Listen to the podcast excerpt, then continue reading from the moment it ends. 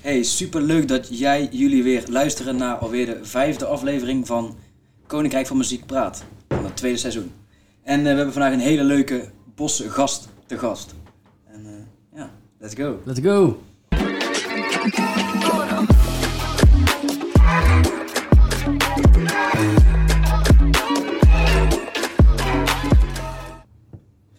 Yes, een bosse gast inderdaad. En deze bosse gast heeft zelfs lekker bosse bollen meegenomen. Dankjewel. Super bedankt daarvoor. Vandaag bij ons aan tafel Jan-Dirk Vis. Welkom. Ja, welkom. Leuk. Zou jij jezelf in het kort voor willen stellen? En dat mag op elke manier die nu in jou opkomt. Oké, eh, Jan-Dirk Vis. Ik ben eh 49 jaar, bijna 50. Eh, ik werk in een familiebedrijf, eh, Jan Vis Entertainment. Het is opgestart door mijn vader en moeder in eh, 1963. Eh, tal van artiesten in de jaren 60 mogen eh, doen die nu eh, echt helden zijn. Onder andere destijds de, de, de Beatles in Blokker uh, mee geholpen. De Rolling Stones in de Brabanthallen hier. Eh, nou ja, noem maar op. Van eh, Whitney Houston tot en met ehm eh, Fat Domino. Alles wat je kunt bedenken in die tijd. Kijk, kijk, kijk. Dat is een hele waslijst Dat is al. een mooie introductie, denk ik. Ja, zeker. Eh, om af te trappen. Ik denk eh, het familiebedrijf. Vind ik wel een leuke. Jij Bing, zullen we daarover Ja, zeker, de zeker, eerste zeker. vraag stellen? Kun je eens vertellen hoe het destijds is ontstaan? Eh, jouw vader heeft en je moeder hebben het gestart, zeg je zojuist? Ja. Hoe is het ontstaan? Vanuit, vanuit hoe is het gebeurd? Eh, mijn vader was chauffeur van Robert Stols, was een, een operazanger. En mijn moeder was eh fotografe. Eh, mijn moeder fotograaf voor artiesten voornamelijk in die tijd. Eh, mijn vader komt uit Blokker en mijn moeder komt uit Gestel.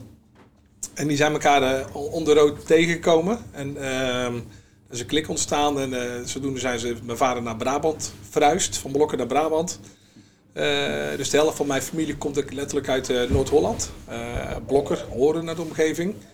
Eh, zodoende dat mijn vader ook in de jaren 60 eh, betrokken was bij het concert van de Beatles, van eh, Benny Goodman, Vera Lynn, et cetera, noem maar op. Eh, Het was eigenlijk gewoon een soort eh, ja, jeugdclub die wat organiseerde. Dat was de zoon van de burgemeester. En die hadden een veilinghal. En daar wilden ze eigenlijk dingen in doen met de, met de lokale jeugdvereniging. En zo zijn die artiesten daar naartoe gebracht van, eh, nou ja, wat ik zeg, Vera Lynn. Dat zal de meesten niet veel zeggen. Maar die zangeres is nu volgens mij 102, leeft nog. Ehm, en dus die is nu juist in het nieuws met het liedje We'll Meet Again. Eh, en dat is wel heel grappig. En die hebben wij toen eh, gehaald. Eh, maar later ook eh, in eh 63 uit mijn hoofd eh, de Beatles. Het enige concert in Nederland in de veilinghallen. Eh, en dat is gewoon gauw in een bloembollen veilinghal. Dus het is niet eens, was niet eens een evenemententerrein. Het was gewoon een, eh, ja, normaal zaten er bloembollen eh, lagen erin. En daar heeft eigenlijk de zoon van de burgemeester georganiseerd samen met eh, de jeugd eh, in, de, in de buurt. Dus eigenlijk een soort eh, opdracht. En eh, zo zijn ze naar Nederland gekomen destijds. En misschien ook wel grappig is dat de, de drummer destijds van eh, de Beatles was, eh, nou ja, was eigenlijk eh, niet goed, was ziek. Daar hebben ze gewoon een andere drummer neergezet toen destijds. Dus de, het is van alle tijden, als een artiest ziek is, dan zijn ze ook allemaal vervangbaar. Ja, ja, ja. ja. Zeker ook bij de Beatles dus. Of ook bij de Beatles dus. Juist ook bij de Beatles. Interessant. Oké, tof.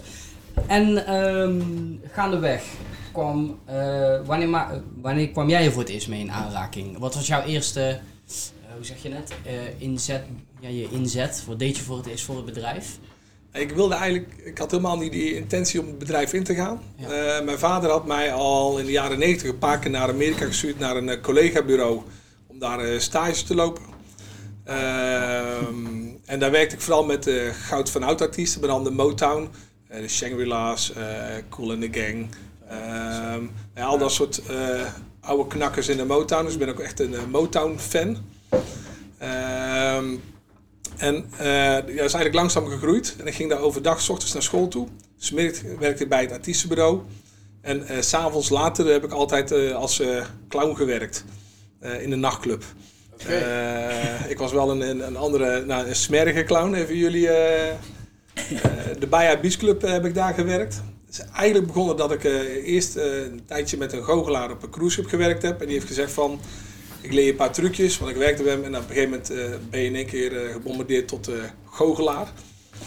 Of je dan wel of niet kunt, je bent goochelaar. En toen liep ik eigenlijk rond in Fort Lauderdale, Miami. En dan ging ik bij de Baja Beach Club, die later ook in Rotterdam kwam. is gekomen in de kleine en de grote. Ehm en zonder we zoeken een, een, een, een clown. En toen ben ik naar binnen gaan en zei ik ben geen clown, maar ik kan wel goochelen. En zei, nou, we hebben geen interesse, we moeten gewoon een clown zijn. toen? Of tussendoor? Eh 22, 23. Oké. En dan ben ik, eh, toen ik zei, ja, dan doen we smink op. Dus vanaf dat moment was ik eh, clown. En daar werkte ik eigenlijk zes dagen per week s'nachts in een nachtclub. Zo. Vanaf eh, 10 uur s'avonds tot en met 2, 3 uur s ochtends. En eh, daar moet je vanuit gaan. Dat was, ja, je zit gewoon in het centrum van eh, toerisme. Dus er was gewoon zeven dagen per week zaten er 3000 mensen binnen. En in die discotheek daar liepen gewoon drie, vier clowns rond. Er liep een, steltloper rond. En, er liep, ehm, en het was echt, en alle personeel zat in een, een bikini achter de bar. Eh, de dames verdienden echt pakken met geld. Ik weet dat de dames die achter de bar stonden, die stonden in een bikini. En ze waren ook allemaal wel exceptioneel mooi. En de dames daar, eh, die kregen geen salaris. Ik kreeg ook geen salaris, ik kreeg een tip. En van mijn tip moest ik nog geld afstaan aan de locatie. Oké. Dus ik moest 15, 20 procent afstaan. Dus voor elke dollar die ik kreeg, moest ik geld betalen om daar te mogen werken. Eh, maar ik verdiende daar wel die tijd tussen de 6 en 7000 dollar aan tip als clown. Eh, plus dat ik... per elk- maand dan. eh, Per maand, ja. ja. Ja. Plus dat ik eh, elke avond ja. ehm, eh, de kroeg in kon tot 2, 3 uur s'nachts. Ja. En weinig kost had voor eh, drank. Eh, en eigenlijk ja, mijn leven vanuit Nederland wel op een hele prachtige manier kon voortzetten.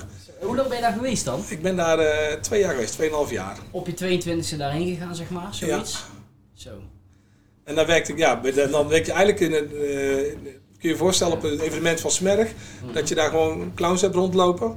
En het enige wat ze doen is ballonnen vouwen en eh, met mensen interactie zoeken. Ja. Eh, en dan vooral natuurlijk met de dames. Je kunt, nou ja, je kunt me overal neerzetten. Toen niet wel, dat is 15 jaar geleden. En dan maakt niet uit, je hebt niks nodig om een dame naar je toe te krijgen. Om, ze vinden het allemaal leuk, in ieder geval destijds. En eh, dan, dan doe je wat goocheltrucjes en vervolgens maak je een paar ballonnen. En dan geven ze je tip daar. En dat is natuurlijk wel, eh, ja, nou, hartstikke leuk was dat. En mij moesten ze tippen in mijn broek. Dus ik had, een, ik had een hele wijde broek en ik had ervoor een buidel. En ze moesten met de hand in mijn broek om te tippen. Ja, precies. Wie is koopbroek? Ja, ja. Ja, nee, nee, dat- het, het is echt, het is echt eh, en als ze dat tippen, ja, dan gingen de toeter af. Dat vonden ze ook allemaal leuk. Letterlijk de toeter. Zo, maar dat was dus ook echt entertainment industrie to the fullest op die leeftijd. Tenminste, je, je allerlei Ja. kanten maak je daar mee. Ja, het, het grappige was, ik had daar eh, geen auto, maar de, de Bayer Busclub had een eh, schoolbus. En eh, die zat helemaal onder de graffiti met een haaiv van 2 meter op het dak. En dan was een school, Amerikaanse gele schoolbus helemaal onder graffiti, eh 17,5 ton groot. En dan moest, eh, ja, dan moest bij elke over het strand gereden worden. Eh, en niemand wilde dat doen. En ik heb gezegd van ja, als ik dat mag doen, en ook de auto mag gebruiken voor mee naar school te gaan en voor andere dingen te doen, dan vind ik dat prima om elke dag te doen. Dus ik heb ook nog een anderhalf jaar in een schoolbus rondgereden. Ehm, eh, en over het strand gereden elke dag. Maar als ik naar de film ging, en dan ging ik met eh, een bus waar eh, 70 mensen in konden zitten, 17,5 ton, ging ik daar met die bus naartoe rijden. En in die tijd, het klinkt een beetje slecht, maar toen reed ik gewoon bijna elke avond dronken naar huis toe met de schoolbus. Eh, dus dan, ja, er zijn dingen die je nu niet meer over na kunt denken. De tijd was echt anders. Dan kun je, al over TikTok. kun je je voorstellen dat een BBA-buschauffeur hier elke avond dronken naar huis toe rijdt met een schoolbus? In een slip. Vol met mensen. Ah, nee, alleen, ik reed er alleen in. Oh, oké, oké. Oh, als clown, Geen- als clown. Dus dat was wel een, eh, achteraf een, een, een bizarre tijd. En ook dat, eh, dat je ja, nu rijden en drinken, ja, is on- kan er gewoon niet Kan en niet doe je gewoon ja. niet. Nee, en het is ook niet meer verantwoord. Dus toen denk ik van, wauw, wat, wat, wat, wat belachelijk dat, het, eh, dat je het wel gedaan hebt. Maar ja, voor mij was het elke avond, je dronk elke avond eh, vanaf 10 uur s'avonds tot en met 2, 3 uur s'nachts. En je ging daarna met de bus naar huis toe. En het grappige in Amerika is dat de, de, bij de deur daar, bij de portiers, daar waren eigenlijk politieagenten eh, in een privé-tijd. Daar een eh, politieagent mag bijklussen in zijn outfit als portier. Dus kun je je voorstellen dat de politie in Den Bosch eh, in zijn vrije tijd als portier fungeert. Ja, ja. Dus al die politieagenten kenden mij. En ik werd nooit aangehouden. Want ja, ze wisten dat ik dronken in de bus stapte. En ze, ze, ja, Ze kenden jou ook ze kenden me. ja, En ze stapte als clown in de bus. En ik werd als clown, kwam ik weer aan. Ja, ja. Had je nou ook een speciale naam als clown? Dutchie. Ja. Goeie vraag, goeie vraag. It. Dus was, eh, en daarna heeft mijn vader mij eh, gebeld van het is eigenlijk wel eh, mooi geweest. We willen wel weten wat je gaat doen. Kom je terug naar Nederland toe of eh, eh, Blijf je daar? blijf je clown? Ik had me ook ingeschreven voor de Ringling Brothers Circus. Ik vond het eigenlijk wel leuk. Ik, eh, ja, weet je, elke dag lang leven de lol. Je verdiende relatief gezien toen meer geld dan nu. En alles ging op in de horeca. En aan het plezier en aan het feest. Ehm, ja, ik denk van ja, dit, dit toch wel iets meer leven dan in Nederland komen werken van eh 9 tot half 6. Eh, en ook omdat toen destijds voor mij de artiesten die bij ons zaten, ja, vond dat niet zo heel bijzonder. Ehm, maar toch eh afspraak met mijn vader gemaakt van een half jaar terug te komen. En eigenlijk eh, te kijken van, nou ja, als het bevalt, dan blijf je. En als je niet bevalt, dan ga je lekker clown worden. Professioneel clown of wat het ook mag noemen. Ehm, ik weet dat toen ik terugkwam, was ook net de Baja Rotterdam geopend. Ik weet niet of jullie die kennen. Nee. Nee, nou, dus er was toen een nachtclub en die, was een, die zat op maandagavond ramvol. Als je daar maandagavond kwam, dan stond er een rij van 100 meter voor de deur. Elke dag van de week en werd voor een kroeg werd entree betaald om binnen te mogen. Zo nu was het concept. Alleen ik liep er ook als clown rond. En ik verdiende er eigenlijk in eh, vier dagen een beetje bijsnabbelen meer dan bij mijn vader in een maand. Dus ja, dat was best lastig.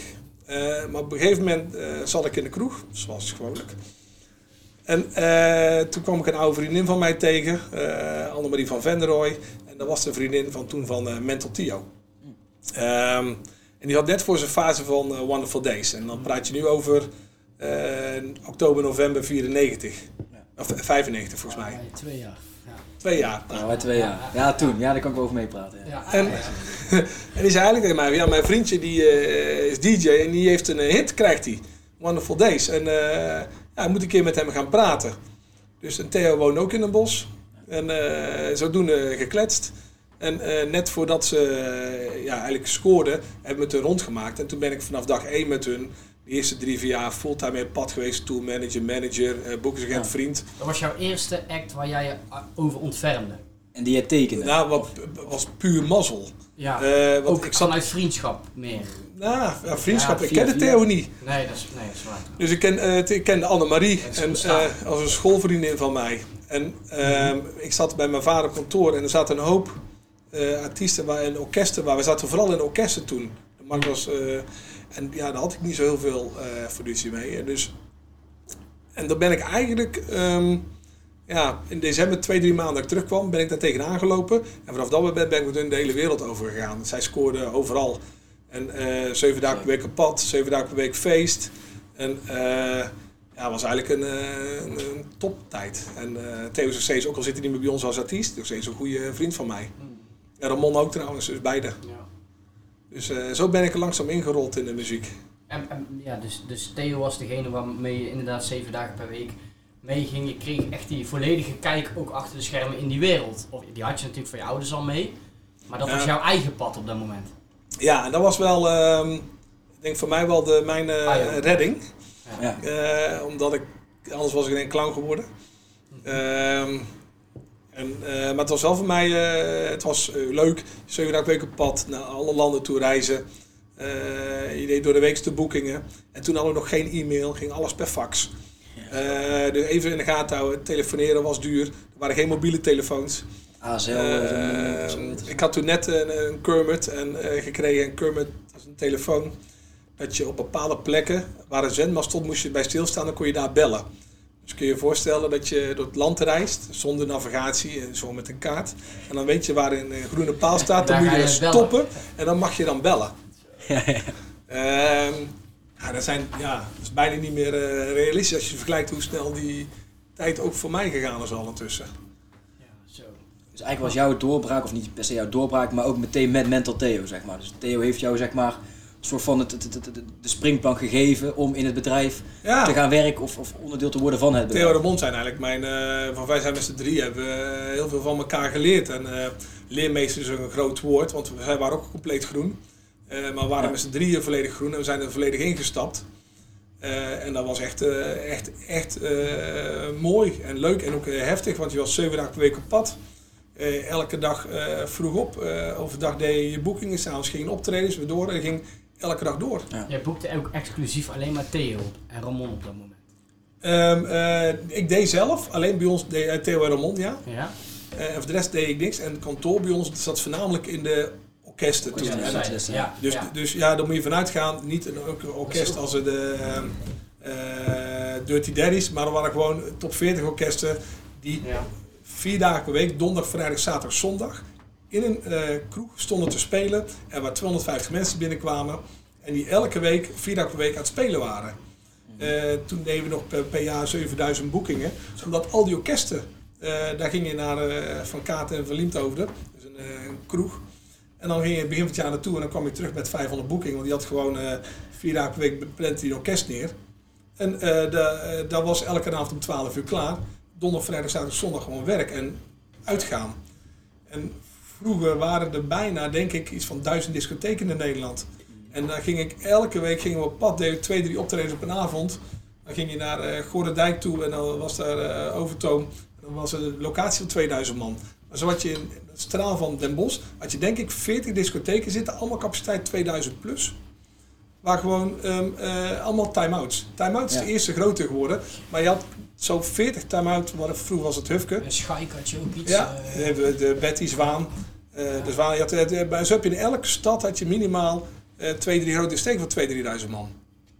Dus kun je die, eh, die hele markt ook veranderd. De festivals er waren geen festivals. Ja, Pinkpop was er, eh, maar er was geen Lowlands. Eh, er waren bijna geen festivals, er was geen Koningsdag. het waren echt die clubnachten. Het waren echt de clubnachten, was het in, de, in, de, in Amsterdam. Ja. En ik zie dat Roxy eerlijk gezegd nog wel terugkomen in de toekomst. Gewoon de clubnachten bedoel je, dus niet de, de festivals sterven uit tussen haakjes. Of, of Nee, dat denk ik uit. niet. Maar je ziet wel een, echt een overkill aan eh, festivals. Mensen vinden het ook leuk. Eh, maar als je ziet dat eh, in de zomer hoef je in de binnenstad niet naar een kroeg te gaan s'avonds. Want dan kun je gewoon, eh, ja, daar is, daar is niemand binnen. En iedereen is op zijn festivalterrein. En wie weet wat eh, de huidige markt gaat brengen. Dus ik ben benieuwd. Interessant.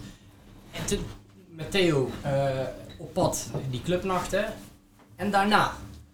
Hoe, hoe ontstond... ehm, Want het bleef niet bij Mental Theo. Nee, het bleef niet bij Nee, toen, maar toen op een gegeven moment, eh, ook in die tijd had je... ehm, ehm, kwam bij mijn vader, in die tijd had je zelden, er kwam ook de party Animals bij ons. Eh, Guus Meeuwis kwam bij ons. Ehm, Fortune Fairy Tales, Critical Mass. Ja. Eh, bijna heel de jaren 90 eh kliek van artiesten, die zaten bij ons allemaal. Want dat is het, voordeel als je één succesvol artiest hebt en je doet het daarin goed, trek je heel veel andere dingen aan. Dus ik weet dat in die tijd hadden we op een gegeven moment in, eh, in juni hadden we nummer 1, 2 en 3 in de top 40. Eh Guus Meeuwis, eh, Charlo's Mentaltio en Party Animals eh 1, 2 en 3. Eh, en Party Animals hebben misschien wel een van de meeste nummer 1 schatten in Nederland. Die hebben er vier achter elkaar gehad. Eh, dus, ja, dus voor ons was toen in één keer, we gingen van orkesten volledig door naar artiesten. En dat was Ja. ook net de omschakeling eh, van orkesten naar artiesten. Dus we waren op het juiste moment met een veel geluk gestart. Ja. gestart. En eh, ik heb daar heel veel van kunnen leren. En dat was eigenlijk een eh super tijd. Nog steeds trouwens, elke tijd is super. Deze tijd wel minder, maar... En het, ehm, jou- je kantoor vertegenwoordigt nog steeds die tijd. Nou, veel meer hè. We doen ook Sanchez en Meesters. Absoluut, maar- absoluut. maar- Nee, daar zijn we van op de hoogte. Maar het interessante vind ik ook, dat is nog steeds heel erg zichtbaar. En dat vind ik heel, Ja. vind ik heel leuk, want ik hou heel erg van die tijd, van die muziek, ook met Smerrig. Dus, Een maar breed scala veel- 90s artiesten, zeg maar. En veel dieper en veel meer kennis. En dat komt natuurlijk voort uit het feit dat jij ook al die dingen mee hebt gemaakt. En dat je zeven dagen in de week bij zo'n Theo op pad was in elke discotheek die toen ook wel 2000 man capaciteit had. Ja, 1000, 2000, allemaal Ja, gewoon, eh, ja. overal was eh, ruimte voor. Wat eigenlijk ook wel ehm, eh, grappig is, dat heel veel artiesten, we hebben met niemand een contract. Ook, eh, bij geen één artiest hebben wij een contract, omdat ik daar niet in geloof. Het is net een huwelijk. Mhm. Als het niet werkt, ja, dan moet er ruimte zijn om te kunnen gaan. Ik denk dat dat makkelijker is dan ehm, ehm, wel een contract. En, eh, maar we hebben ook één artiest bij ons gehad. Die is eigenlijk vanaf 64 bij ons begonnen en ook bij ons overleden. Die heeft 50 jaar bij ons onder contract gestaan. Ja. Albert West, ook een bossenaar. Of een rosmalenaar in dit geval. Ehm, en eh, ook de Party Animals zitten al eh, dus nu 25 jaar bij ons. Dus die gaan dezelfde kant op. Eh Banger Boys ietsje later is het ook al eh, meer dan 20 jaar bij ons. En wij hebben, ja, als je in de stroming zit en je doet je werk goed en je geeft het vertrouwen in je, eh, ja, dan blijven mensen bij je. Precies. En hoe doe je dat dan, zeg maar, Jan Dirk? Zeg maar, hoe hou je zeg maar, een Party Animals voor 25 jaar bij je? En, want er zijn natuurlijk superveel eh soortgelijke bedrijven.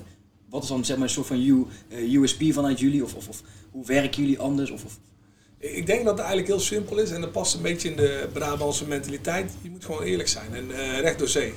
Dus eh, je, eh, het heeft geen zin om tegen een artiest te zeggen: Oh, ik heb veel werk voor jou en ik kan dit voor je betekenen. Je kunt beter zeggen: van Het gaat jaar een shitjaar worden. En we zullen met de prijs moeten zakken, willen we werken. Of je, je moet gewoon transparant en fair zijn. Dus op het moment dat ik artiest iets moois beloof wat ik niet kan waarmaken. Ik weet destijds hadden wij een artiest eh, bij ons, eh, Jumbo. En die eh, waren gek gemaakt door een ander bureau dat ze een eh, duet konden doen, wat wij gehoord hebben, met Whitney Houston. Ja, daarvoor moesten ze echt naar een andere bureau toe gaan.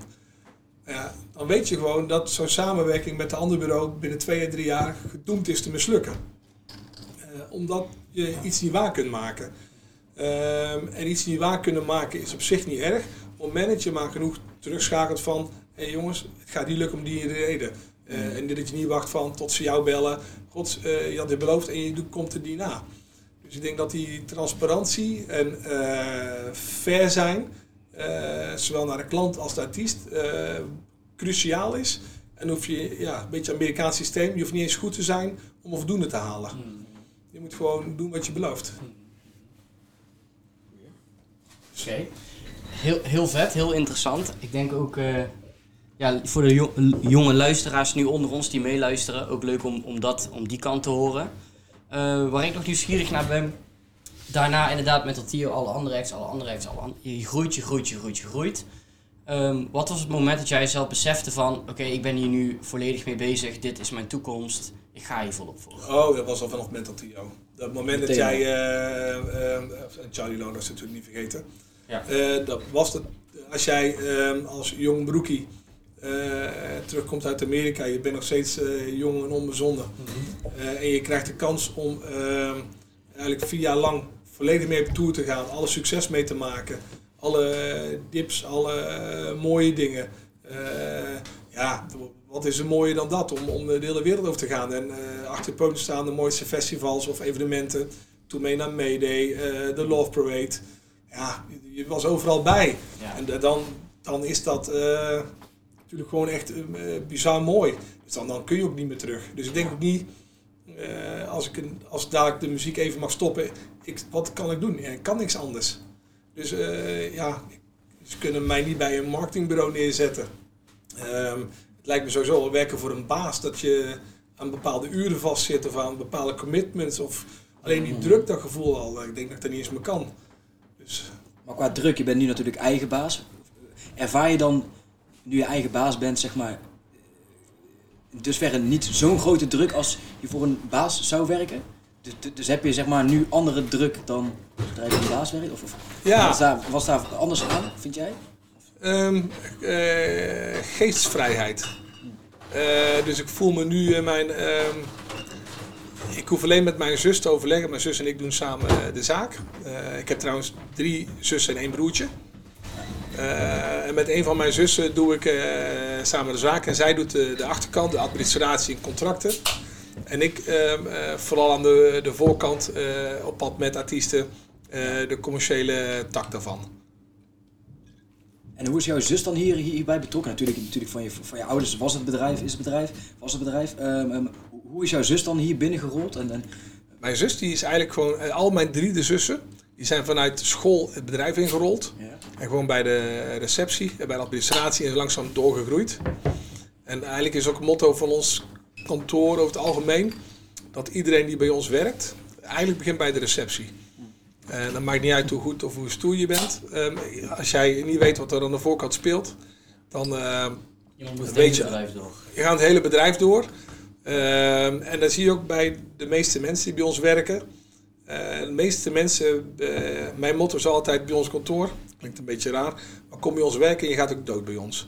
En eh, daar wil ik bij zeggen dat wij voor heel veel mensen een soort van heel een leven werk geven. Ehm, en als je nu kijkt van de 15 mensen die er werken, daarvan zijn er eh, 13 langer dan 12,5 jaar. Er zijn er 2, 3 meer dan 30 jaar, eh 2 eh, meer dan 20 jaar, eh 4 boven de 15. En daar, ja, er zit wel een hele familiegedachte in. En, ehm, eh, ik heb bijvoorbeeld één dame zitten, is Audrey, die ken je ook, weet je ook mee samen. Die is 32, maar die werkt al bijna 15 jaar bij ons. Dus die is nog steeds jong, relatief jong. Eh, maar ja, die heeft natuurlijk al wel heel eh, leven erop zitten bij ons. En dat gedachtegoed, dat, die, ook die familiekant, komt, dat komt ook al voor denk ik uit het ontstaan toen je ouders het bedrijf oprichten. Of heb jij dat echt groot gemaakt. Het is geen filosofie van ons. Het is gewoon ehm, dezelfde mentaliteit die je met je artiesten hebt. Eh, die heb je ook met eh, je mensen. Eh, nu in deze tijd dat wij moeten gaan reorganiseren, ehm, praten wij openlijk hoe we ervoor staan, openlijk welke stap we moeten nemen, wat we van hen verwachten en ook openlijk, we moeten afscheid van je nemen tijdelijk. En dat is pijnlijk en iedereen begrijpt het, maar natuurlijk niemand is blij als, als je je baan verliest, zeker niet in een lange tijd. Maar op een of andere manier blijft het bij ons gewoon nog wel werken tot het einde van een opzegtermijn. En bij de meeste mensen, als je zegt er is geen ruimte meer voor jou, om wat voor reden dan ook, dan zeggen ze ja, dan heeft het geen zin om meer morgen te werken. En bij ons is het vertrouwen nog steeds erin. En dat wil ik wel graag volhouden. Ja. En hopen dat we ergens volgend jaar weer, eh, dat we ze kunnen aannemen weer. Het zal helaas eh, niet anders zijn. Het is, dat is wel heftig. En dat, doet wel, eh dat geeft je veel slapeloze nachten. Ja, hadden we het inderdaad net voor, voor de opname ook al over. En dat inderdaad die mensen al zo lang voor je werken. Dus dat het gevoel richting het bedrijf zo groot wordt dat je het... Ja, Ja, het is gewoon je leven, toch? ja precies. En je creëert, die band wordt zo sterk. En eh, ehm, ik denk, wa- wij, wij met het bedrijf Koninkrijk van Muziek vinden, vinden een familiair gevoel met de artiesten en met elkaar heel belangrijk. Hè? We, we noemen het ook wel werken met vrienden. Dus eh, eh, ik denk dat veel eh, mensen daar een voorbeeld aan kunnen nemen. Maar ehm, ik moest de vraag eigenlijk anders stellen. Vanaf, is dat erin geslopen? Is dat ontstaan? Of hebben jullie altijd binnen het bedrijf heel erg gehad van... Dit gevoel is heel waardevol voor mij. Ehm, ik denk dat je niet bezig bent met een gevoel te creëren. Je hebt het gevoel of je hebt het gevoel niet. Ik denk niet dat jullie ooit het gesprek gevoerd hebben van we gaan dit gevoel creëren bij Smerg. Ik weet nog goed toen jullie twee jaar geleden zat te eten bij eh, Nom Nom. Ja. Dat ik eh, eh, tegen jullie heel zwart-wit zei. eh, Bing, eh, jij moet gewoon Smerg neerzetten. En eh, Nick, ja, je bent maar een DJ. Even, ik zei, ik zei het een beetje kort door de bocht. Ja, ja. En ehm, dus heel dom, niet wetende van mij, dat jullie eigenlijk al familie zijn. Ook al zijn jullie, heb je er nooit uitgesproken naar elkaar. Dus, ehm, en, en daarna ook, eh, ja, dat, dat bij Bing misschien best binnengekomen is van, eh hmm, nou, zit wat hij zegt, maar ja, familie is voor hem toch belangrijk. En hij, heeft, hij heeft het nooit over familie gehad, waarschijnlijk, nou ja, misschien nu wel, nou, dat je nu realiseert dat het er is. Maar dat zijn wel dingen die ehm, ja, je dan voelt. Ja. Dus, eh, en dan zie je dus ook, eh, ja, hij koos voor de familie en niet voor het geld. Ja. En dat is mooi. En dat is wat Ja, je toch ziet wat ehm, lange termijn beter volhoudt dan kiezen voor kort termijn zakelijk. Ja. Daarbij wil niet zeggen dat soms zakelijk ook moet, Ja. ehm, maar dan wel onderbouwd en eh, recht in de ogen kijken. Goeie. Ja. Mooi. Nee, dit, dit- inderdaad. Kun, kun je je herinneren nog het gesprek? Ik was het toen gevoerd hebben. In, eh, er was ja, wel ja. wat drank bij. Ik weet nog wel... eh, ik- En voelde je niet gepasseerd? Voelde je niet toen ook een beetje eh, eh, dat je dat het, het was toch een indirect zei ik iets wat ehm, eh, het gevoel gaf dat je niet verantwoordelijk was mee voor het succes, maar eigenlijk keek naar Bing die de naam-eigenaar was Eh, en dat ik dacht van ja, dat, dat kwam ik toch tussen, tussen zo'n gevoel. Ik kan me niet voorstellen dat je er achteraf niet gedacht hebt van hmm, hartstikke goede vent, maar Ehm, zo. Goeie vraag wel. Ja. Ik kan het wel invullen. Ik denk niet dat we dat gedacht hadden. Ehm, Het, het zit het iets niet. anders in elkaar. Ja. Ik ben sowieso niet alleen de DJ, wij zijn wel echt compagnons.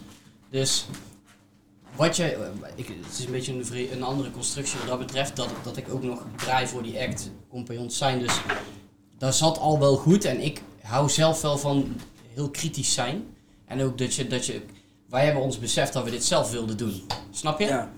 En dat, Dus inderdaad, die, die, die, die, die, soort van dat, die vraag of, of, of, of Ja. je argument of je mening op tafel gooien, dat, dat wil niet per se- zeggen dat we jou een, een, een vervelende vent Helemaal vinden niet, nee. of, of daarna hebben gevonden, zeg maar. Nee, maar dat, dat, ik, ik, weer ik begreep openen of- achteraf, ja, voor mijn gevoel, als ik van, hmm, het is hetzelfde als ik en mijn zus om tafel zou zitten en tegen mij zou zeggen, ja Jan Dirk, jij bent de, de, de creatieve man en jouw zus doet maar de administratie. Even, en Ah, zo, ja. dan, dan eh, eh, of voor mij bedoel je? ja, voor jou, vooral. Dat je, dat je gepasseerd had erin. En daar heb ik er best over nagedacht achteraf. Oké. Dat ik van, eh, ja, daar heb ik wel eh, de plank volledig misgeslagen of verkeerd ingeschat. En dan zie je dan ook weer met, eh, als ik jullie tegenkom bij Noorderslag Ja. of bij andere feesten. Het is wel gewoon een team eh, wat Ja. het eh, doet. En je hebt samen plezier, je gaat maar samen bier drinken. Ja, Eh, je weet veel van mekaars privéproblemen. zeker. eh, en ook privé eh, leuke dingen. Leuke dingen. Eh, dus niet alleen van. Dus eh, dat, dat is denk ik wat eh, de familie maakt. Dat je Mhm. ehm, eh, meer weet dan van 9 tot half 6 eh, je baan. En dat je bij elkaar vertrouwt. Ja, eh, op dat je, en ook dat als je het even slecht hebt, dat je de ruimte krijgt om het even voor elkaar te krijgen. In plaats van dat er. ja. ja. En dat je met elkaar creatief probeert mee te denken en met golfbewegingen erin. Ja. Ja. Ik denk niet per se dat het Nick tegen zijn schenen aan, of, of, dat je tegen Nick zijn schenen aan, aan, aan schopte, maar nee, zo heb ik het eigenlijk helemaal niet geïnterpreteerd op dat moment. Wat ik nog wel weet uit het gesprek dat Nick, eh, dat we hadden natuurlijk zo'n zeven gangen minuutje door uh, Luc gemaakt, ook een vriend van ons. En, toen, en daar hebben, we het, het dus nog wel heel vaak over. Dat is echt een mooie. Eh, ik spreek het altijd verkeerd uit, maar toen zei Nick, oh wat zijn er toch rare Knotje. aardappels. En toen zei jij tegen Nick van, hè, rare aardappels. Dat is een Dit is gewoon knotje. Weet je, ja, dat, dat, dat is ons altijd bijgebleven van dat. Dat eh, was echt een. eh, dat, dat weet ik ook nog. Dat ik dacht van. Ik, ik had het wel ooit gegeten, En maar wij keken elkaar zo aan, ik weet het gewoon ook. Wij keken elkaar aan, Jan Dirk en ik. En van, eh, dat Ja. een grapje? Maar hij vond het gewoon echt raar, een rare aardappel. En dat, dat, eh, dat, maar- echt... Maar Het is eigenlijk mooi achteraf dat je met z'n drieën een avond een gesprek hebt gehad. Wat echt een hartstikke gezellige, fijne avond was geweest. Voor zijn nog doorwezen stappen daarna. Ja, wij zijn nog naar eh Carousel met z'n tweeën gegaan. Ja. In de goede oude tijd. Oh, ja. En, maar dat voor alle drie het gesprek anders is blijven hangen. Dat Ja, voor jou ja. die knotjes blijven hangen. En eh, de gezelligheid. En ik dacht achter- achteraf van... Ja, ik heb dat niet tactisch, aan, niet tactisch gezegd. Ik ben veel te eh, direct gegaan naar... eh, Ja, maar misschien juist omdat je wel mooi dat je er dan ja, op terugkomt. Ja. Maar misschien juist wel, ja. heeft het maar, in ons... eh, hoe zeg je dat nou? Heeft het misschien toch wel indruk gemaakt op ons, maar dan hebben we het niet uitgesproken of niet zo gevoeld. Snap je wat ik bedoel? Ja, we hadden, Dus misschien we hadden heeft ook nog andere gesprekken gevoerd natuurlijk op, op, op, Ja. op, op een plek. En eh, eh, we, hadden alles gewoon samen ook. En we hadden gewoon gezegd, we keken elkaar aan. Op dat moment zaten we ook al, allebei anders in de wedstrijd. En Ja. Van oké, we gaan dit gewoon samen doen. En Jordan was er ook nog bij natuurlijk. Jordan was er nog bij, ja. Dus eh, we hebben toen met elkaar ook eh, die afspraak gemaakt van we gaan dit gewoon zelf doen. En toen zijn we eigenlijk de ex-merk dus ook zelf Ja. dingen gaan boeken. En wij, ja, dus zo hebben we het in eigen hand weten te houden toch. En, eh, Maar volgens mij heb ik nog gezegd toen in die avond van...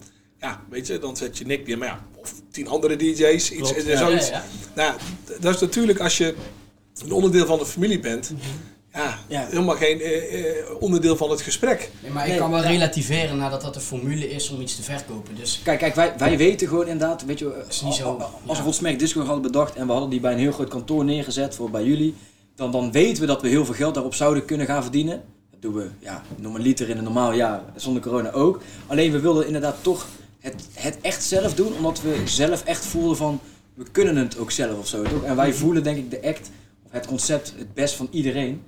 En toen inderdaad, terugkomt op het, op het gesprek van eh, toen net, weet je wat je net zei, van wij hebben toen echt gekozen eh, voor de familie, voor de vriendschap, in plaats van meteen voor het grote geld. Of voor het geld. Zeg. Ja. Toch? Dat is, eh, dat is wel een beetje een ding. Ja, maar dat is dus wat familie maakt. Dus Ja. niet- eigenlijk is wat familie maakt niet voor geld kiezen, maar Nee. voor eh, de mens. Ja, ja. Ik denk dat dat, eh, als je terugkomt bij ons, wij maken niet altijd. eh, ik vind eh, geld is een middel voor continuïteit van je bedrijf. Ja. Eh, geld is niet het doel van het bedrijf. En natuurlijk heb ik het nodig, zonder dat, eh, ben ik er niet. Ehm, maar als wij deze crisis doorkomen en ik heb geen rode cent op de bank en ik heb alle mensen of de meeste mensen aan boord kunnen houden, dan maakt mij een, eh, Ja. een, eh, geeft mij een fijner gevoel Ja. Zeker. dan als je leest dat grote bedrijven gaan saneren omdat ze maar een miljard winst gemaakt hebben. En er zijn dingen, ehm, ja, wat als, als je mij vraagt wat als familiebedrijf steekt, is dat de grote multinationals eh, en eh, de aandeelhouders daarvan eh, geld zien als het middel. In plaats van, ja, en dat, daar, daar, daar raakt mij. Als, als, als je een miljard winst maakt en je moet 4000 man ontslagen om wegens het optimaliseren van het bedrijf, ja, daar raakt mij diep. En Ja. als ik soms hoor dat salarissen die er betaald worden in de, in de middenlaag, dat die hoger zijn dan wat ik en mijn zus verdienen en in de onderlaag nog, dan denk je van ja, daar is het volledige het misgeslagen. Eh, daar, daar mag ook wel een keer iets. Eh, er. Optimaliseren van een bedrijf ligt voor jou totaal anders. ja, en wat dat betreft ben ik best eh, links eh, aangelegen. Links wat dat betreft. Ja. Dus Ja. ja, gewoon Ja. normaal doen. Ja. Ja. En ehm, Ja, mooi ja. wat zou jij jonge ondernemers of, of startende bedrijven adviseren die samenwerken als vrienden. Die nog totaal niks vast hebben gelegd, die vanuit enthousiasme starten. Ehm, Zonder misschien zonder enig doel, zonder... ja, Ehm, ik kan het alleen eigenlijk terughalen naar een eh, voorbeeld waar ik gewoon zelf dagelijks mee te maken heb. Als wij met een artiest werken, ehm, in de tijd met, eh, toen we met de Banger Boys eh, begonnen in de 99, toen verkochten wij een toptijden daar voor een ton tot 2, 3 ton per show. zo. Daar deden wij op in, in Ik ben ermee opgevoed trouwens, hè. Mijn moeder eh, heeft mij Venga Boys. eh, Ja, niks zijn laten grote doel was Venga Boys. Benga Boys Ja. boek op smellen. Ja, wij zeggen het. Ja. Ja. Maar even, toen hebben wij in eh, eh, 31 december eh, 1999 eh, gingen we hadden we drie shows in India. En voor 300.000 dollar verkocht. En ehm, daar, deden we, daar deden we geen show destijds onder de 15.000 dollar. Toen was de euro, dat was er nog niet, we hadden nog de Ja. guldens. Ehm, en ik weet nog goed dat eh, vlak voor die show, eh, alles ging toen nog per fax, eh, geen mail. En eh, toen waren de visa's binnengekomen, maar die hadden we niet gezien. Op een of andere manier waren die binnengekomen. Dus de groep die ging drie dagen van tevoren keurig naar het vliegveld toe. En die mochten niet vliegen. Want ze hadden geen visa. En echt paniek in de tent. Want stel dat je dan, ja, dat iets te laat komt voor het optreden en je een claim krijgt van nou ja, het bedrag wat je neergelegd Ja. hebt. Dan kan het best zijn dat je omvalt in, met, met zulke bedragen, Ja, zulke zulke- claims. ja. En eh, toen hebben we nog, eh, omdat destijds alles hoog politiek in India had, eh, hebben we nog de visa's kunnen regelen.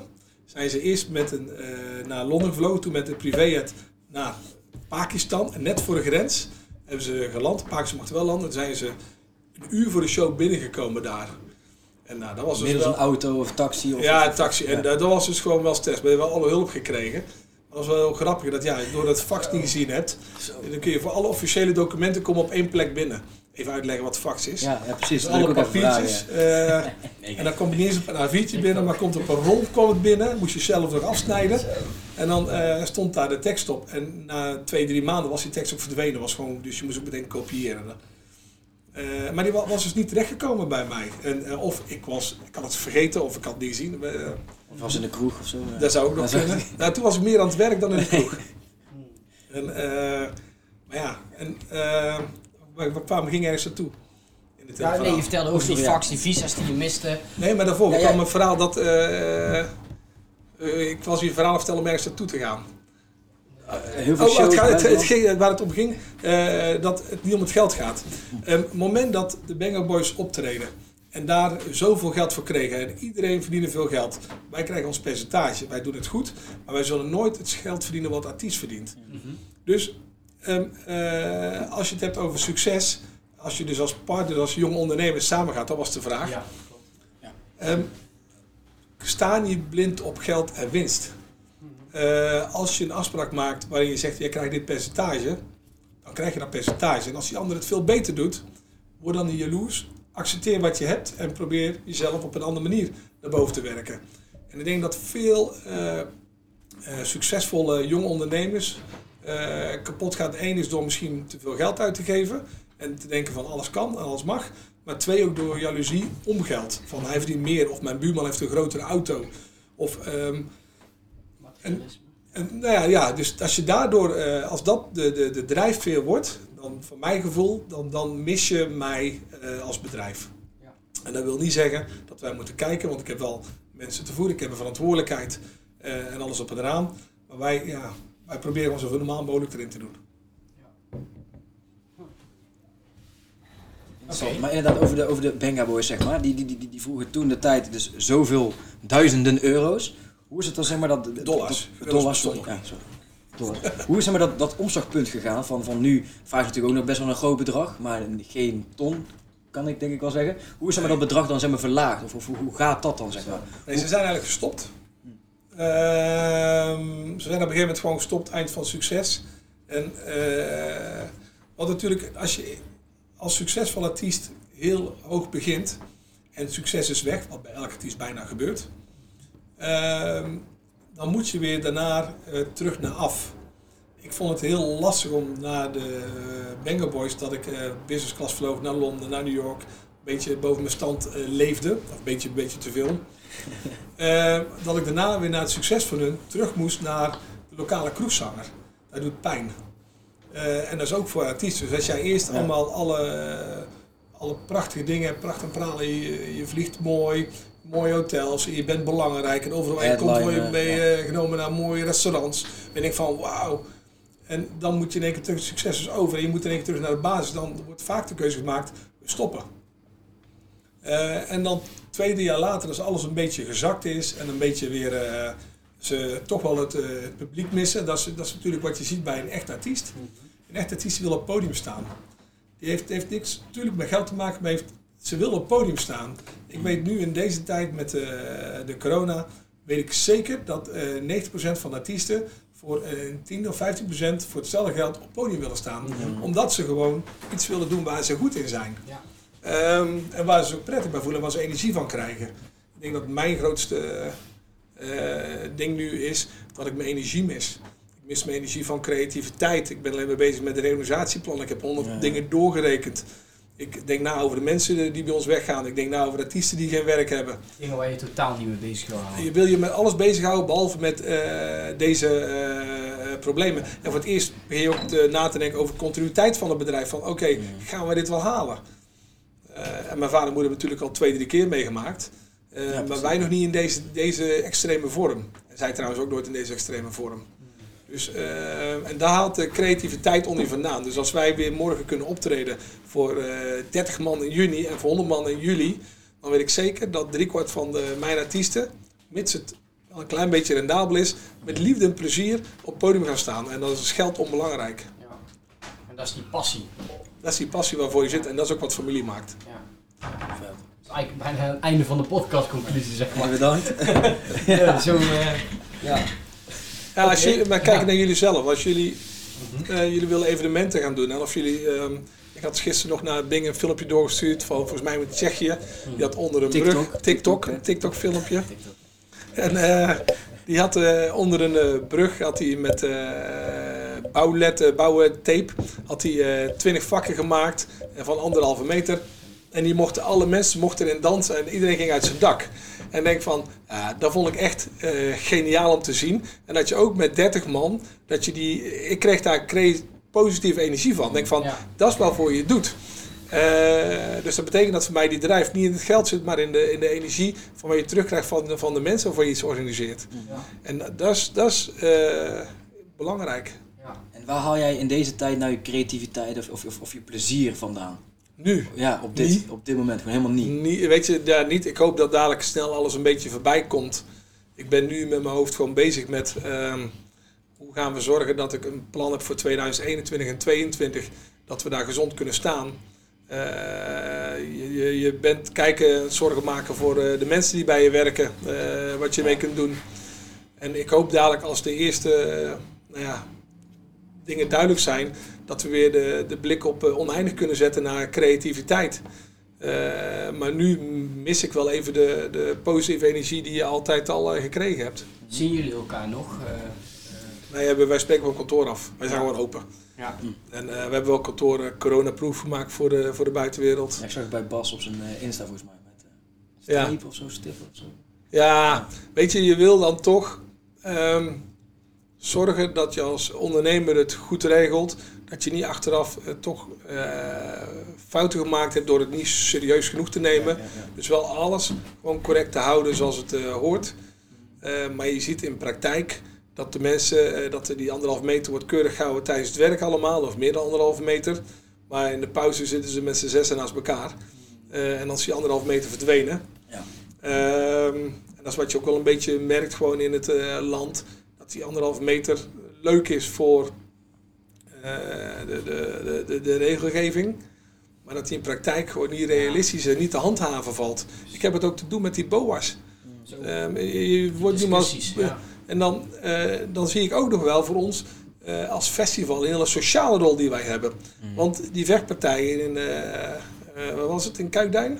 Of in, zo, nee, aan het, eh, kijk, Dan kan goed hoor. Den Haag, daar in de buurt. nou ja, mijn motto is hierin. schietpartij toch? Wat, nee, wat, nee, waar vorige week was, wat vechtpartij. Of twee geleden. Er was een vechtpartij vorige week waar eh, drie boa's werden aangevallen. Oh.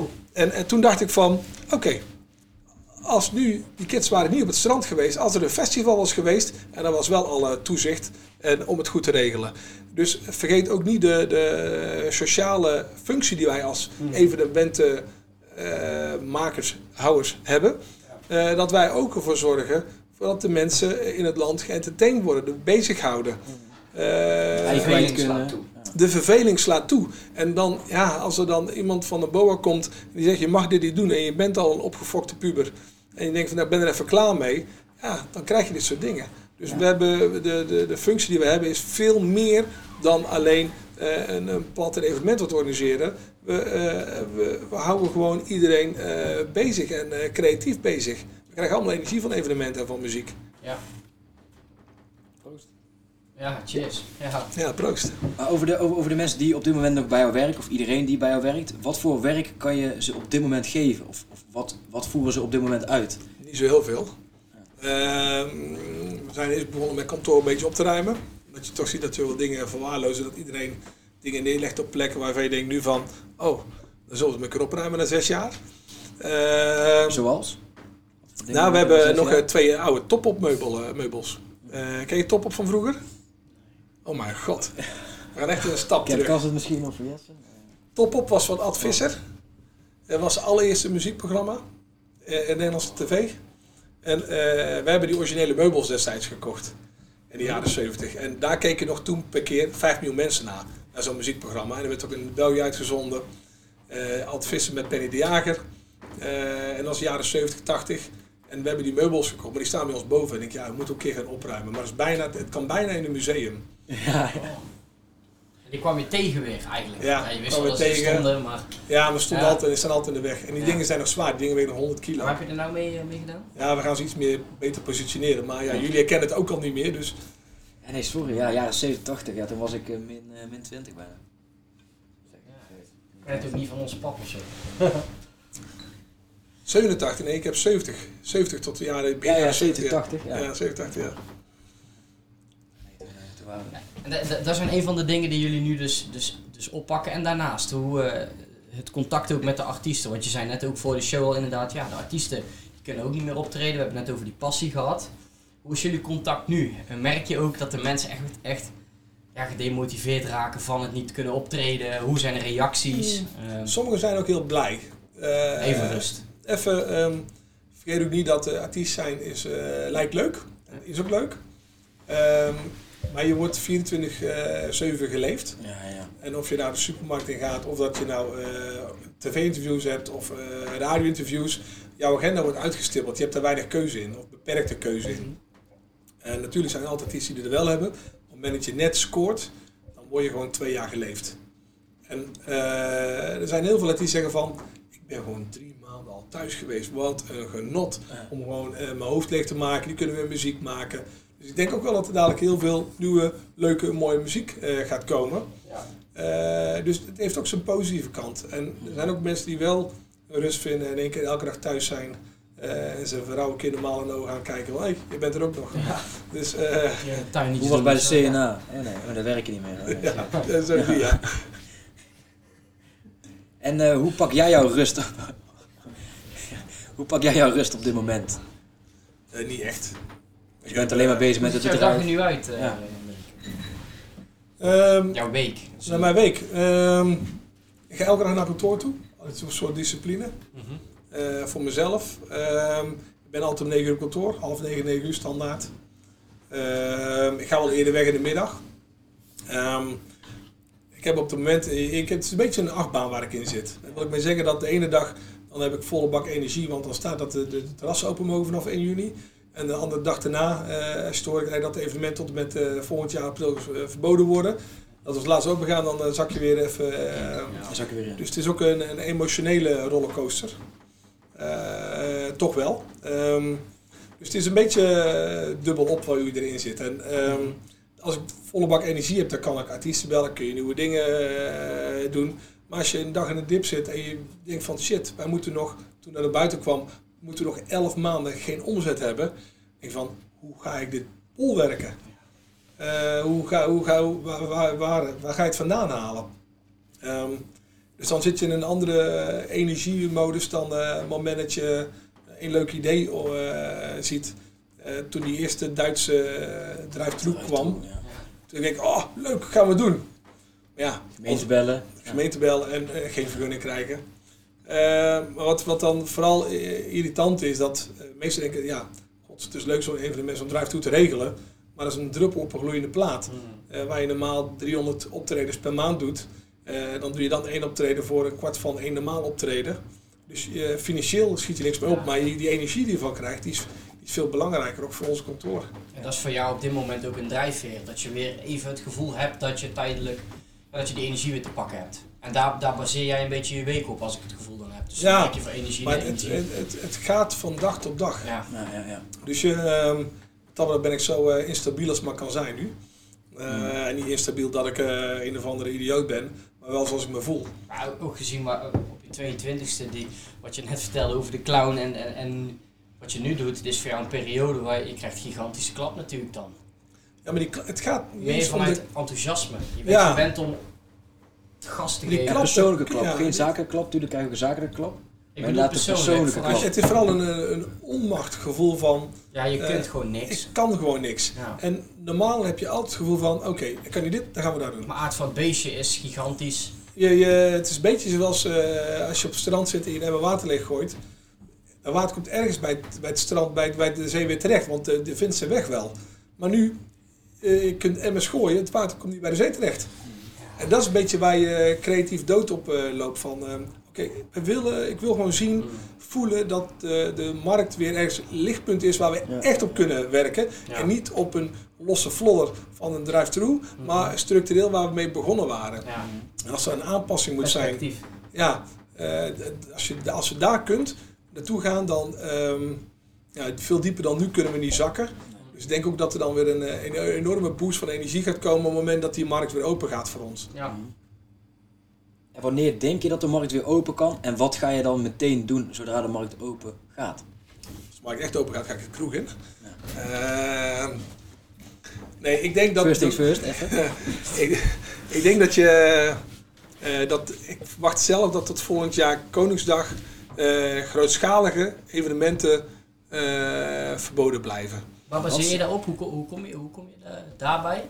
Vind ik Nou, de- de- interessant. Gevoel of... De, de minister heeft eh, duidelijk uitgesproken in, eh, met alle branchevertegenwoordigers dat de branche in een diepe winterslaap gaat. En dat zodra er geen, zolang er geen vaccin is, Mhm. grootschalige, met nationaal kak karakter Ja. evenementen eh, verboden blijven. Dan heb je natuurlijk een grote discussie en wat is nationaal Wat is karakter groot, en wat wat is is, Wat is massaal? wat is massaal. Ehm, en daar, dat, als dat vorm krijgt, dan kunnen wij weer eh, beginnen. Op het moment dat ze morgen zeggen, vanaf 1 september mogen we een evenement organiseren tot 500 personen. Maar zodra daar een eh, anderhalve meter voorbij komt, is het nog steeds eh, Ja. niet realistisch. Dan moet je altijd zittend gaan doen. Want ja, ik ken mezelf. Eerst als ik binnenkom, dan zit ik nog keurig aan tafel. En bij het derde biertje en bij de vierde sambuca, dan Ja, begint het je lang wel weer los te worden. van. En aan het Ja. eind, eind van de avond met z'n allen naast elkaar. Ja. En Op dat is, elkaar schouders en zo. ja. Ja. en dat is ook niet te handhaven. Ook niet voor, eh, voor, voor de BOA's, voor de politie, voor niemand niet. En dat is natuurlijk waar, eh, zolang daar geen eh, stap in gemaakt wordt, blijft het altijd een beetje belemmerend. Ja, het gaat ook gepaard met een gevoel van vrijheid natuurlijk. Ja, Het gevoel dat je kan gaan en staan waar je wil. Dat je de ene kroeg niet hub, naar de andere keer een hapje eten. En je belemmert gewoon de, de, de, de, de vrijheid ook. En daarmee ook creativiteit.